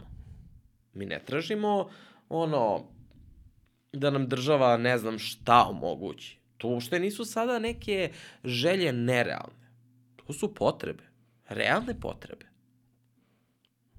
Razumem. Uh, hvala ti što, što si sve ovo ispričao, što si sve ovo ispričao na, na svoj način. Zaista uh, o nekim stvarima o kojima pričaš deluje kao da da je lako da pričaš o tome, ali opet uh, uh, tvoja iskrenost i tvoja hrabrost i tvoj angažman je definitivno nešto što je ogroman pečat u Srbiji i nešto što je snažna poruka uh, ljudima, kako ljudima koji imaju diabetes, tako verujem i njihovim porodicama. Ovo je, ovo je samo moj utisak nakon što sam s tobom proveo dva sata pričajući o di diabetesu i definitivno moje mišljenje. Želim da neko sada, da je prebacujem loptu na, i da pričam iz, iz nečije perspektive, ali zaista ovo što sam danas čuo tebe, uh, ne samo da si me edukovao o, o samom diabetesu, već sam imao stvarno neki utisak da, da te mnogo bolje poznajem i menjaš živote, to hoću da ti kažem. I hvala ti puno. Uh, hvala tebi, pogotovo na ovom poslednjem, to su baš velike reči. Ovaj, ja bih uh, opet pokušao da, da budem ovaj, skroman, iako oni koji me poznaju će reći pa ti to baš i nisi ovaj, uvek, ali ja mislim da svi mi zajedno ovaj, moramo ovog puta stvarno da usmerim kompletnu pažnju, ali i sve te zasluge na ljude u tim udruženjima i u, u Savezu, uh, da je to sve zajednički trud i rad.